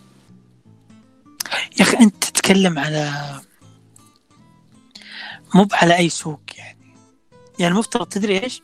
مفترض الشركات الكبيرة نتفلكس Warner Brothers Universal مدري شو حبيبي. اسمها الأشياء هذه. بالم... بالمناسبة. عشان أنت ش... سوق الكبير نزلوا في السعودية فيلم Gray Man قبل ما ينزل في نتفليكس قالوا يجربوا كده. قال له سوق ناشئ كويس. أما اجرب أنزل فيه الفيلم وأشوف هيجيب له فلوس يمكن اكرر التجربة دي تاني. تخيل ما فيش حد يسالي في السوق السعودي. جاب س- جاب جاب سعر عاد جاب مبلغ؟ مش عارف بس كانت تجربة ناجحة بالنسبة لنتفليكس يعني. و- ونعرض أول شيء في السينما عندنا أنا أول مرة ترى أدري عن هذا الشيء. والله ما تعرفش؟ والله أول مرة. فترة وقفل يعني ممكن أسبوع. طب كمل كده الكلام أنت كنت لسه بتقوله. لا أنا أقول آه، ال- الفيلم اللي ينعرض في نتفليكس اللي عرضوه في في السينما أتوقع آه، عرضوه مدة أسبوع. لأنه واضح عليه إنه إنه بس جربوه أسبوع واحد. ف والله إذا أنا بعد أول مرة إنه يعني عرضوه عندنا يعني. أنا أتوقع يمكن عرضوه في أمريكا وكذا بس. ونع- هذا شيء رهيب أنت تعرف إنه إنه إنه يشوفون لك يجربون في الأسواق يشوفون والله إذا هذا السوق ماشي راح نسوي معاه هذه نفس الحركة. إذا السوق والله مو ماشي ما راح نسوي معاه هذه الحركة. اللي أنا اقصده من الكلام؟ إن ال box office في الشرق الأوسط مش قليل عشان أستخف بيه فاهم. هنتكلم على إن أكتر من ربع السوق بشوية ملك السعودية بس فاهم الفكرة؟ والله أنا أنا كنت متوقع ترى عكسك يعني أنا كنت متوقع إن السوق مو بذيك الدرجة ما يجيب أسعار يعني. لا هقول لك. أنت قيمة 42% من قيمه التذكرة؟ بتروح ل للوزارات الحكومية عندكم. والباقي اللي هو قيمة 53 أو 54% بيروح متوزع ما بين الموزع دور العرض والشركة الإنتاجية. فاهم؟ فهم بيبصوا للسوق السعودي مش دلوقتي. بيبصوا للسوق السعودي إن أرقامه بتتضاعف على المستوى البعيد. مع إن عندنا هنا في مصر إحنا عندنا نقص في السينمات على فكرة. عندنا نقص مريع في السينمات. إحنا عندنا في نص مصر من تحت اللي هي الصعيد كله. ما فيهوش الا ست سينمات. إحنا بنتكلم في 12 محافظة. على الأقل المفروض يكون فيها قيمة 1000 قاعه عرض. والحقيقة ست سينمات بس. فاهم فاحنا عندنا أصلا آه، عدم استثمار في مجال السينما في الوطن العربي. بالرغم من إن الأسواق أسواق ناشئة. مش عارف. واو. والله هذه وأنا أسمعها أنا مص- مصدوم ومنبهر يعني من من الأشياء. لأن هذه ترجع عليك أنت يا الشركات الكبيرة اللي توزع الأفلام. يعني المفروض ترى لا تعاند في الموضوع لأنك راح تخسر خسارة. مش مو- بيحاولوا يعندوا لكن أنا ف... أنا أعتقد إنهم عندهم اعتقاد إن مستقبل السينما كسينما مش هيكون موجود فعلا. فبالتالي هما بيحاولوا يستثمروا في المنصات بشكل أكبر. والحقيقة إن أنا مؤمن إن السينما قدامها 100 سنة كمان عقبال ما تسقط. على الأقل. أنا أنا أقول لك على حاجة من مساله العناد يعني يعني شوف بعض الدول تقول لك لا الفيلم هذا لازم يتغير. في مشاهد ما تعرضها عندي. أنا يا أخي عندي قيم الدينية في العادات والتقاليد في أشياء ثانية. في مشاهد هنا ما المفروض ما ينعرض عندي هنا في الدولة. يعني في أشياء مخله لا وحاط لي تصنيف. أنا أنا اللي سمعته برضو لما في مثلا دولة معينة. وفي فيلم راح ينعرض عندها هي تحط التصنيف تقول والله أنا بحط هذا التصنيف لهذا الفيلم لأنه في مشاهد. وال وال وال والشركة الرئيسية هي تشوف التصنيف هذا هل هي توافق عليه ولا لا؟ يعني مثلا في دولة تقول والله الفيلم هذا بحطه من 15 وطالع الشركة توافق ولا لا؟ إذا قالت لا الدولة هذه تقول لا خلاص لا خذي فيلمك ما نحتاجه لأنه في مشهد واحد اثنين ثلاثة تغيرينه ونخليه على نفس التصنيف اللي انت حطيتيه عليه. ما انت ما غيرت التصنيف ولا مشهد شيل الفيلم ولا ولا راح ينعرض يا راجل ده الإمارات. الإمارات. اللي هي أصلا يعني موافقة على الشغل الش- الشذوذ والكلام دوت. تمام؟ ما عرضتش اللي هي آه، اسمه إيه لايتير ليه؟ عشان مواجهه الأطفال بشكل مباشر. زعلت يا لا أخي. الكلام ده ما ينفعش إنك تأثر على الطفل وهو طالع. يعني ليه أصلا أكثر الدول في الشرق الأوسط انفتاحا وقفت لك؟ لا وماخذينه م- مسألة عناد فهمت؟ لا لا إحنا ما راح نغير. هم يرضون أقلية يحاولون يرضون خلاص يعني فئة غريبة. والله والله أنا الصراع. قاعد أقولها وأنا على المدى البعيد؟ خلاص خلينا نشوف. إحنا ولا أنت؟ إحنا والصين ولا أنت؟ إحنا والصين. وروسيا ولا أنت؟ إحنا والصين. وروسيا وماليزيا وبقية الدول الإسلامية اللي موجوده يا في رجل يا رجل. جنوب آسيا يعني ولا انت انت أنت تتكلم على لو أعطيك إياها بالنسبة 80% 70%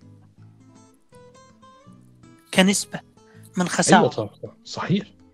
يعني إحنا لسه ما يعني- اتكلمناش.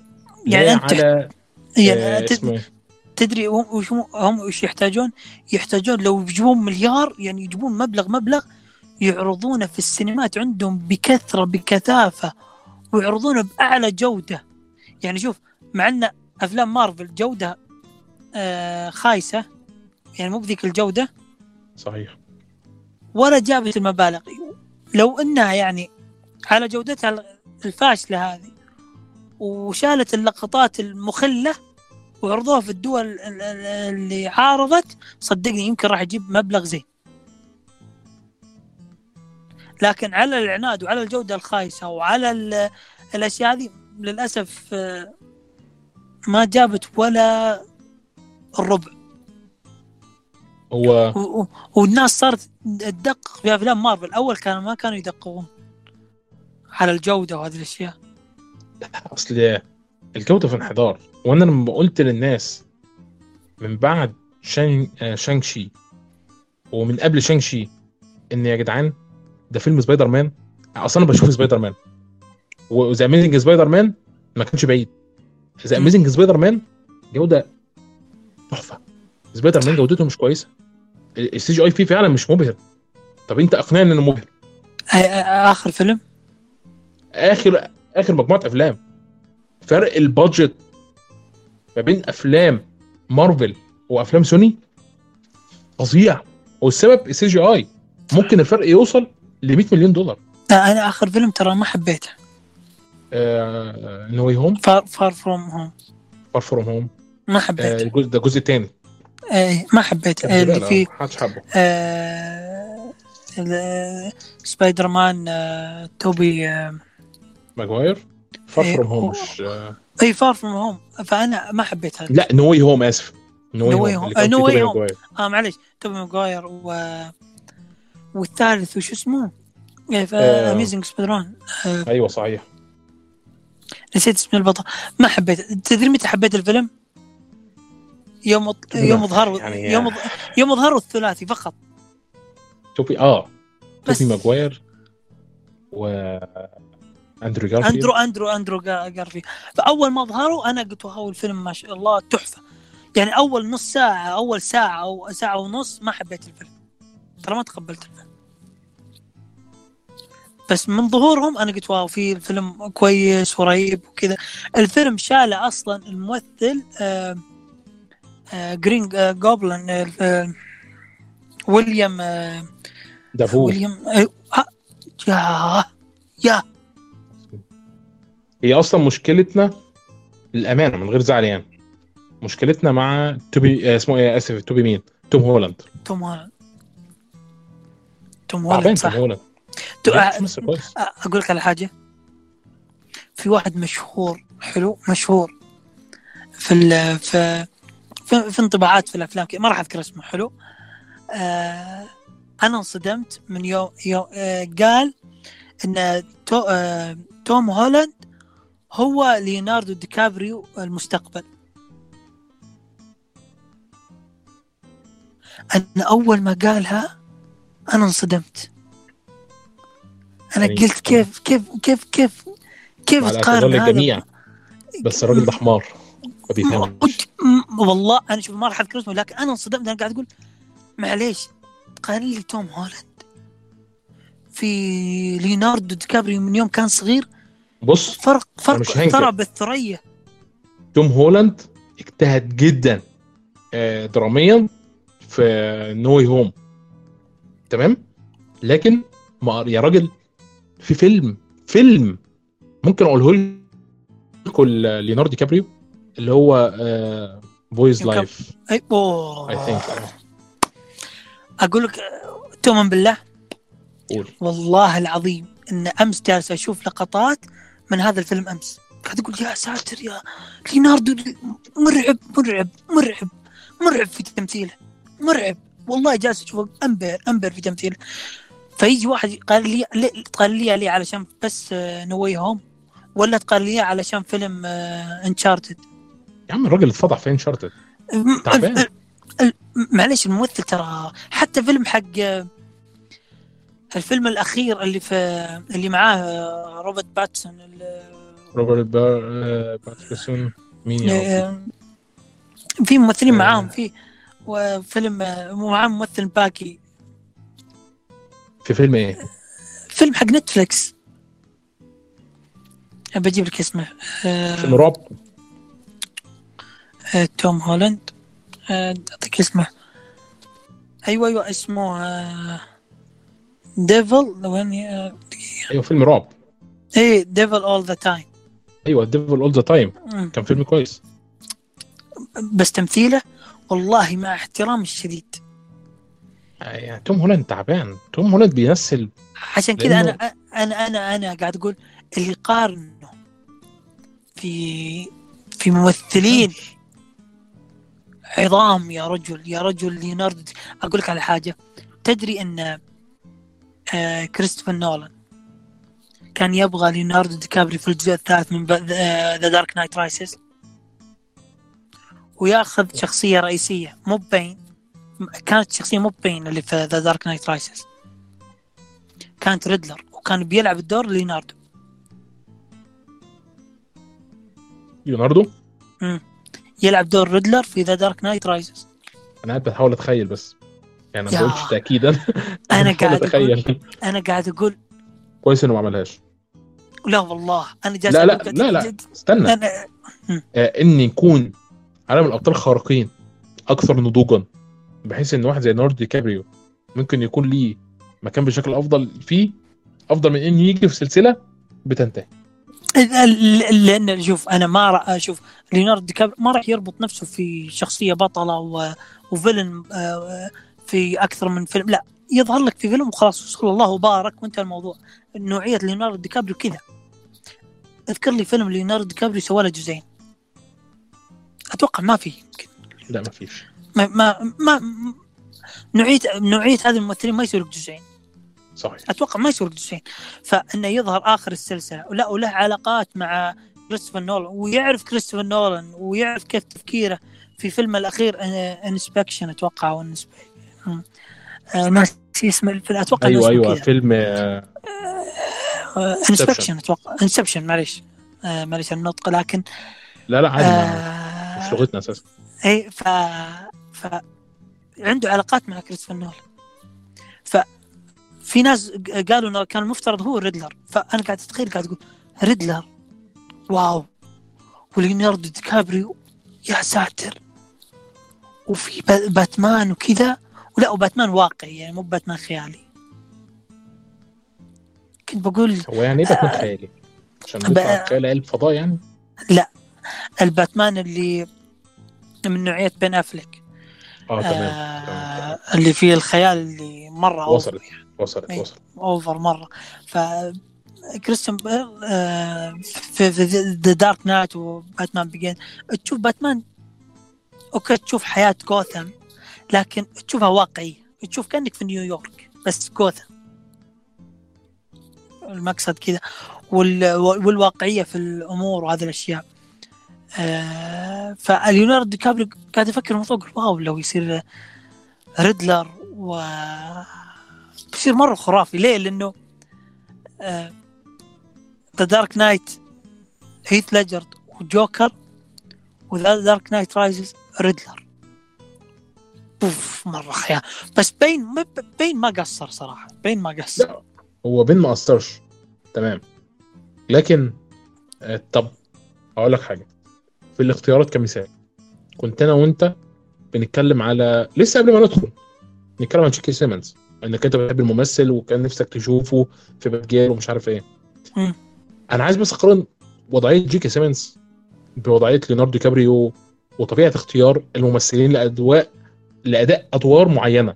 يعني مثلا جيكي سيمنز لما عمل جيكي سيمنز مش ممثل قليل طبعا عشان بس نكون واضحين. يا رجل قوي قوي.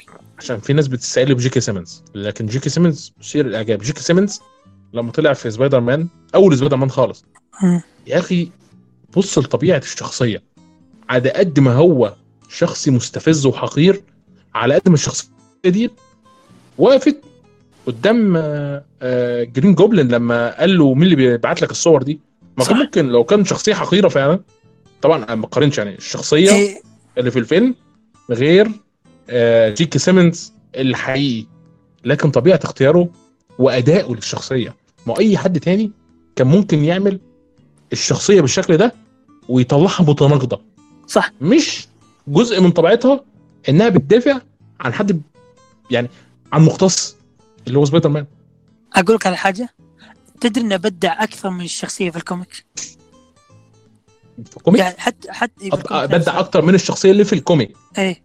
تمام. لدرجة حتى أنا كنت سؤال إيه علاقته بال comic لا لا لا عشان أقول لك لأنه هو حتى في ال game لدرجة إنه استخدموا أسلوبه في ال games في آه، في آخر سلسلة آه، سبايدر مان في لعبه البلاي ستيشن 4 وفي البلاي ستيشن 1 مدري 2 كانوا مستخدمين نفس الحركات. يعني أقول لك على حاجة.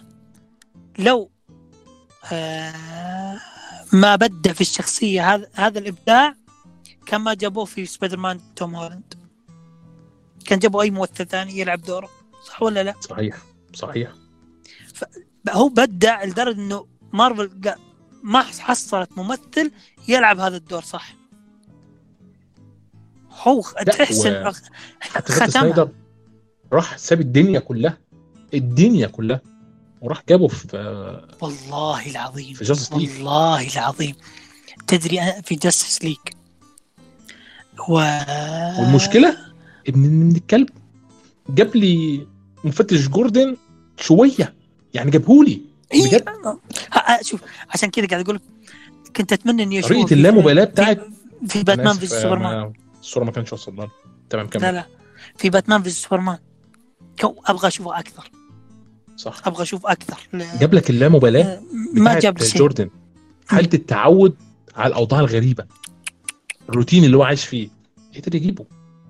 يا رجل أنا كنت أقول آه، قبل لا يختار آه، قبل لا يختار زاك سنايدر كنت أقول كان ودي ياخذ اللي في ممثل Breaking Bad. مين ده؟ البطل حق Breaking Bad الفيلم أو المسلسل لا لا لا لا لا لا لا, لا. تعرف أيوة لا ال character نفسه الشخصية أنا أتكلم عن الشخصية وجه الشخصية تشبه اللي في الكوميكس. بس أول ما جاب شو اسمه جاك وجلست أشوف فيه في Justice قاعد أقول لا وفي صور ومشاهد قاعد أقول واو. تحمست الباتمان فيلم باتمان حق بن علشان بس جوردن. أبغى اشوفه أبغى أشوفه فقط. لأنه تركيبة. و و و والشكل والصوت والأداء.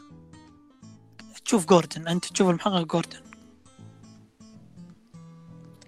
كان اختياره صحيح في محله صح. اختيار تحفه عكس The. Batman. كنت كنت أحاول أبلع الشخصية في The Batman. حق لا لا في The Batman. على فكرة جوردن في ذا باتمان عجبني جدا. لكن آه، آه، في باتمان أنا كان أنا محتاج على ممثلين بسبب طبيعة ال noir. كان هو محتاج ممثلين الأداء على وشهم أكتر من الكلام. وعشان كده يعني كمثال أنا مثلا ألفريد مش نازل لي من زور بس أنا عارف هو جاب الممثل ده ليه. ده ممثل مختص بال CGI بيجي يعمل أدوار محتاجة منك إنك تحرك عضلات وشك. ليه؟ عشان مهم جدا في طبيعة الفيلم ده إن هي تكون طبيعة فنية في الأساس أكتر صح. منها أي نوع تاني.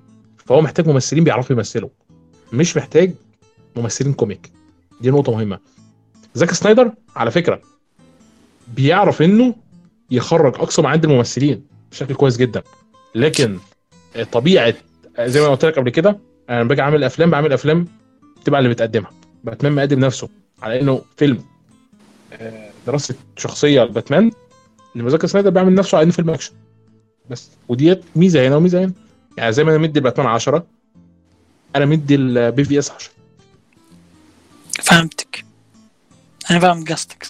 بالظبط عشان كذا في بعض في اختيارك للممثلين. يا يكون مرة يحمس الجمهور للفيلم أو بعض الأحيان اختيارك للممثلين يحبط الجم... بعض الجمهور لدرجة إنك تخسر النص. بالظبط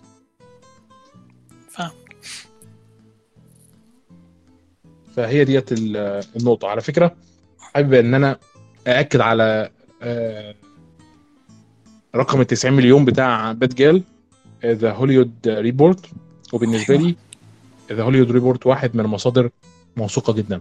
اعلنت من شوية عن ان الميزانية لفيلم Batgirl كانت 90 مليون دولار مش 70 اللي اتصرف لحد دلوقتي على فيلم Batgirl كان 90 مليون دولار مش 70 يا صرف ساتر. كان لسه يا ساتر 20% من الفيلم. يا ساتر. يا ساتر. مبلغ ضخم قوي لا أتوقع إنهم آه، ب... كل شوف شوف كل شيء راح يبان في DC FanDome أنا شايف إن أنا هحط التقل على حاجتين. DC FanDome ده و DC FanDome بتاع السنة الجاية. لأن أنا متوقع إن مش هم يعني ممكن يجيبوا حاجة تحمس قوي ممكن ما يجيبوش حاجة. لكن صح. أنا واثق ان بتاع السنة الجاية هتكون خطط ظبطت لأن هم لسه في حالة اضطراب يعني خليني أكد لك برضو في خبر طالع بيقول إن إدارة Warner Bros عايزة تعيد جدوله Shazam كينج Fury of the Gods و Aquaman الجزء الثاني ليه؟ عشان آه، عايزة تعيد جدوله أوقات العرض بتاعته. أنا مش فاهم ليه. كل ده. بسبب فيلم فلاش. بسبب الممثل نفسه. جاب العيد لدرجة إنه خلاص شوف آه أنا في قرأت عند واحد أجنبي كان يقول الأسبوع هذا راح نسمع أخبار سيئة في عالم DC. هذا أمس مغرد فيها واحد وهذا الواحد يعني معروف إنه يرسم ال- ال posters ات وهذه الأشياء. تمام. ف كلامه هذا يوم تذكرته الحين قاعد أقول هم واضح إن في أفلام في خطر. يعني Flash. Flash ممكن نسمع عنه bye bye. أتوقع إنهم راح يلغونه. ما أدري ليه كذا إحساس راح للأسف. يلغون. يعني لا من شوية بس أنت بتتكلم إيه؟ في ان المبلغ اللي اتصرف عليه كبير. مش قليل مرة. اي فأنا يوم تذكرت تغريدة الشخص هذا قاعد أقول أوكي يلغونه لكن بشرط إنك ترجع ممثلين وتبني عالم صح يا سلام سلم موافق. وعادي. ألغي الفيلم. وتحمل. الخسارة. وتحمل خساره ولا وابدأ واشتغل صح. وجيب ممثل فلاش وابني عالم فلاش. يعني علمنا كيف جت الطاقة هذه وهذه الأشياء. لكن أحس الإدارة متواهقة وطاحت في ورطة غير طبيعية. هي لأن الفيلم هي, هي ارتبط جت فيها. أعتقد من مدى سوء الأفلام. بص كان واحد صاحبي نبهني في فيلم Aquaman قال لي يا عبد الله الفيلم دوت نذير شؤم قلت له ليه؟ الفيلم كويس. يعني ده أول فيلم CGI في تاريخنا. نشوف حد تحت المية. صح ولا غلطان؟ في عالم السينما بعد. صح في عالم السينما صح بتاريخه قال لي يا عبد الله طبيعة الأكشن اللي في الفيلم دوت بتقول إن في حد من الإدارة اتدخل محدش في الوقت اللي إحنا عايشين فيه هيختار طبيعة أكشن كده. دي طبيعة أكشن تسعيناتي. الامانه من غير يعني حبيبي قلبي والله وكل حاجة. لكن أنا مركزش في كلامي وما افتكرتوش غير الأيام اللي فاتت دي. الكلام اللي أنت بتقوله إحنا داخلين شكلنا كده كنا داخلين على كام فيلم كارثي. كارثي. صح. شوف عشان كذا قاعد أقول لك في ترتيبات واضحة وإعادة في اجتماعات أحس ليل نهار في اجتماعات في تخطيط راح يكون. هذا التخطيط راح يعجب البعض وراح يكره البعض. وراح نشوف يعني انقسامات. ممكن راح يتفقون الكل إنهم ي... إنهم عاجبينهم ذا التخطيط. لكن أتوقع في الأسبوع أو الأسبوع الجاي أو في الأيام القادمة راح نسمع أخبار عن خطة دي سي بتكون كذا بتبين. يعني فهمت أنت اللي تطلع في مصادر اللي راح تبين كذا حاجات بسيطة. إلين ما يجي حدث DC FanDome على قولتهم. على قولتهم يا خبر اليوم بفلوس بكرة ببلاش. هو خبر ان فعلا. فعلا. خبر النهارده بفلوس بكرة ببلاش. لكن صح. أنا بحب DC. ونفسي دايما ليها الأفضل. مش عشان حاجة لكن عالم DC متنوع ومليان حاجات رهيبة. صح. تنوع. فيه حلو. صحيح. فأنا كنت أتمنى لو لو ان فعلا فعلا يعني. لو ان DC كانت قدرت إنها ترتب حالها كلها من فترة. ده وصل بيهم وصل بيهم إن فيلم The Flash في في مشاهد من Barry Allen بتاع المسلسل. يعني لما تم الإعلان في FanDome السنة اللي فاتت لما طلعت اتكلمت فكنت مستغرب إن أنا متحمس وفي نفس الوقت متخوف من فكرة إنهم ربطوا عالم CW بتاع مسلسلات بعالم ال live action بتاعنا. ليه؟ لكن أقول لك؟ حاجة؟ أقول لك على حاجة؟ آه ما راح أتوقع ما راح يطلع أسوأ من آه Doctor Strange و Spider-Man في عملية التنقل في ال- ال universe. ماشي أنا فاهم. أنا فاهم إن DC؟ متميزة دايما يعني إيه؟ لأن لأن Doctor Strange و Spider-Man عملية التنقل كانت مسخرة. والله مع احترامي الشديد ما عجبتني نهائيا نهائيا. أنا ما أنا ما أعرف شخصيات في مارفل كذا لكن مسألة التنقل ما ما حبيتها. آه ما التنقل. الزمني. اي ما حبيتها ابدا. في universe. to universe طب طب حلو بقى. إن ممكن نلقط الحتة دي أنا Endgame هيعجبك التنقل الزمني اللي فيه. كواحد من fans DC بقى. Endgame Endgame أنا ما عجبني. الله جميل. لا أنا. Infinity War أفضل منه. Infinity War أفضل منه. برغم من العيوب اللي في Infinity War بص أنا عايز أنا عايز أسلم. عليك وأحضنك وابوس راسك من فوق. الله حبيب قلبي. لأن أنا بقول الكلام دوت بقالي سنين. وبيتم الاستهزاء بكلامي؟ لأن يا عيني أنا محاول البحث عن التميز وال والابتكار وحاجة زي كده يعني. Infinity War أعطاك المتعة متعه متعة. والتنوع وال وال وال وال وال والتنقل وال... وأعطى كل شخصية حقها. أنا واحد كان جاي من DC اي استغربت وأنا قاعد في Endgame إن. في واحد جه من الماضي مات في المستقبل والماضي ما اتغيرش. ما شرحليش حاجة. شرح لي بعد كده في مسلسل لوكي. بس ما شرحليش حاجة في Endgame فانا آه استغربت في حاجات غريبة في Endgame لدرجة إنه تقول مع احترامي. الشديد. يا راجل كابتن أمريكا. إحنا كان عندنا كابتن أمريكا اللي طلع سنة 2000 وكام؟ و12 من التلج. تمام كده؟ طب لما هو رجع الستينات وعاش مع حبيبته وكبر في السن. جميل؟ كابتن أمريكا اللي كان في الجليد. فين؟ أنا أنا أقول لك على حاجة. تتذكر حتى إن هذه الحاجة أنا أنا يا الله.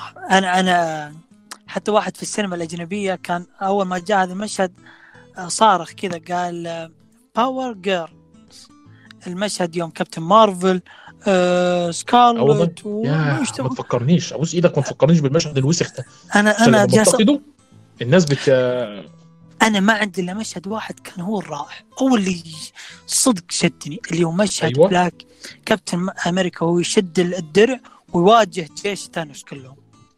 التصوير في ذا المشهد أنا قلت wow. هذا عجبني هذا المشهد الوحيد اللي عجبني في الفيلم. أما الفيلم والقصة وهذا ما ما ما يقارن في Infinity War Infinity War أفضل منه. بس أنا حابب إن أنا أوجه عشان تعرفوا الناس اللي بتفهم من DC لما يشوفوا حاجة ما بتكتبش كويس لمارفل أساسا. وإحنا ما إحنا حتى في قمة نجاحها أضحوكة. المشكلة البعض يح- يحسبك آه، أو أنت كاره المارفل لا والله ماني بكاره المارفل لا والله ما بتفرج عادي. مش هاد- دخلت يعني السينما أنا محب. أربع تذاكر. إيه أنا محب. أنا محب. أنت محب. كلنا محبين. ما في شيء اسمه أو أنا متعصب. أوكي في ناس متعصبين DC لكن لا ما تمنعني اني متعصب إن- اني اعطي. رايي في فيلم زي كده أو- ده أنا لما أنا أكذب عليك يعني إذا واحد مات كذا يقول مارفل لا قول DC قول.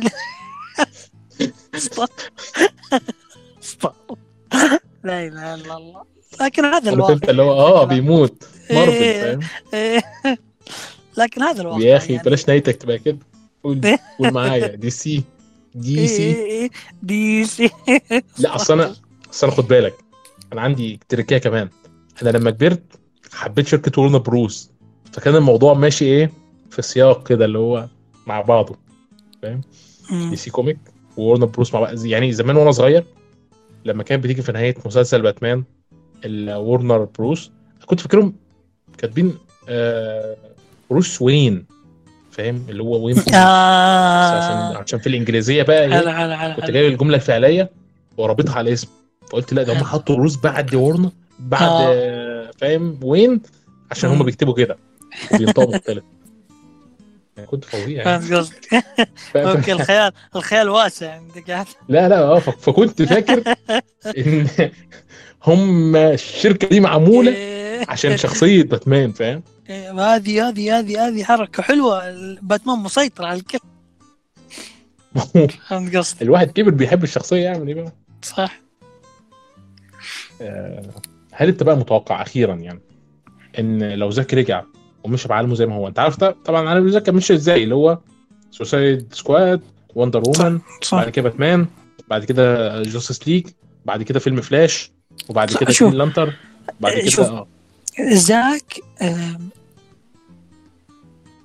حرق آه، أو أعطى كل شيء يعني آه، من بعد ما خرج من Warner Brothers بدوا العالم يسألونه وش كان بيصير وش كان بيصير وأعطى كل شيء أعطى خطته كان اللي كانت راح تصير قال كان راح يصير في Justice League اثنين وكان راح تموت لويس لين ولويس لين كانت راح آه، تحب بن افليك اللي هو باتمان ودارك سايد كان يق... راح يقتل لويس لين في استنى في كانت هتعمل إيه؟ كيف كانت هتعمل أوكي. إيه؟ لويس لين تنفصل عن سوبرمان. وراح تحب ب بن افليك أيوه. بالعكس أنا كنت حاسس شر- شرارة الحب ما بينها ما بينه هو و Wonder Woman. كنت حاسس يعني. شوف وراح يصير دارك سايد راح يدخل في عالم ال- الأرض وباتمان راح يخفي لويس لين في الكهف لكن دارك سايد راح يدخل في الكهف وراح يقتل لويس لين أمام سوبرمان. سوبرمان راح يشوف آه، لويس لين ميته وراح يصير وشو؟ راح يصير Injustice في الفيلم. المعركة الم... ال- ال- المفضلة عندي. معركة بين سوبرمان وباتمان. جيش فريق باتمان وفريق سوبرمان. ممكن فيلمين أو فيلم تقريبا ل Injustice. فيلمين بعد- في فيلمين. ففي فيلم ال Justice League الثالث راح يموت فيه باتمان. آه راح يضحي بنفسه باتمان. آه Green هو Lantern. في الأول إيه. كان هيضحي بناس كتير قبل ما يضحي بنفسه. كده صح. هيضحي بنفسه في الجزء الثاني. في. في إيه. الجزء الثالث كان هيبقى من غير باتمان. أيوه وهال جوردن راح يكون آه، موجود. يعني شفت الجزء الأول حق Green Lantern لا مش هال جوردن. مش هال جوردن.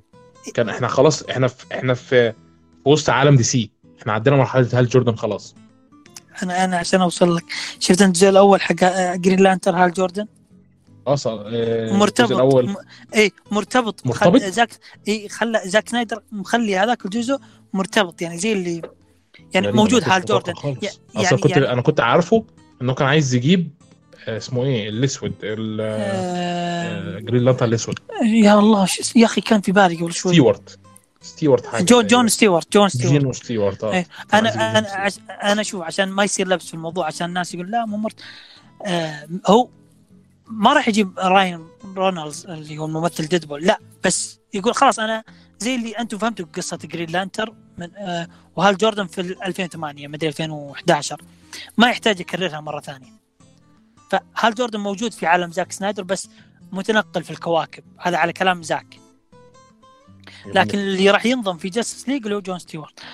آه وغيرها من الأشياء وفي Flashpoint آه أعطى كل شيء. يعني بين للعالم وقال لهم كل شيء. زاك سنايدر بيرجع فبيرجع بخطة جديدة. غير الخطة اللي قالها لنا.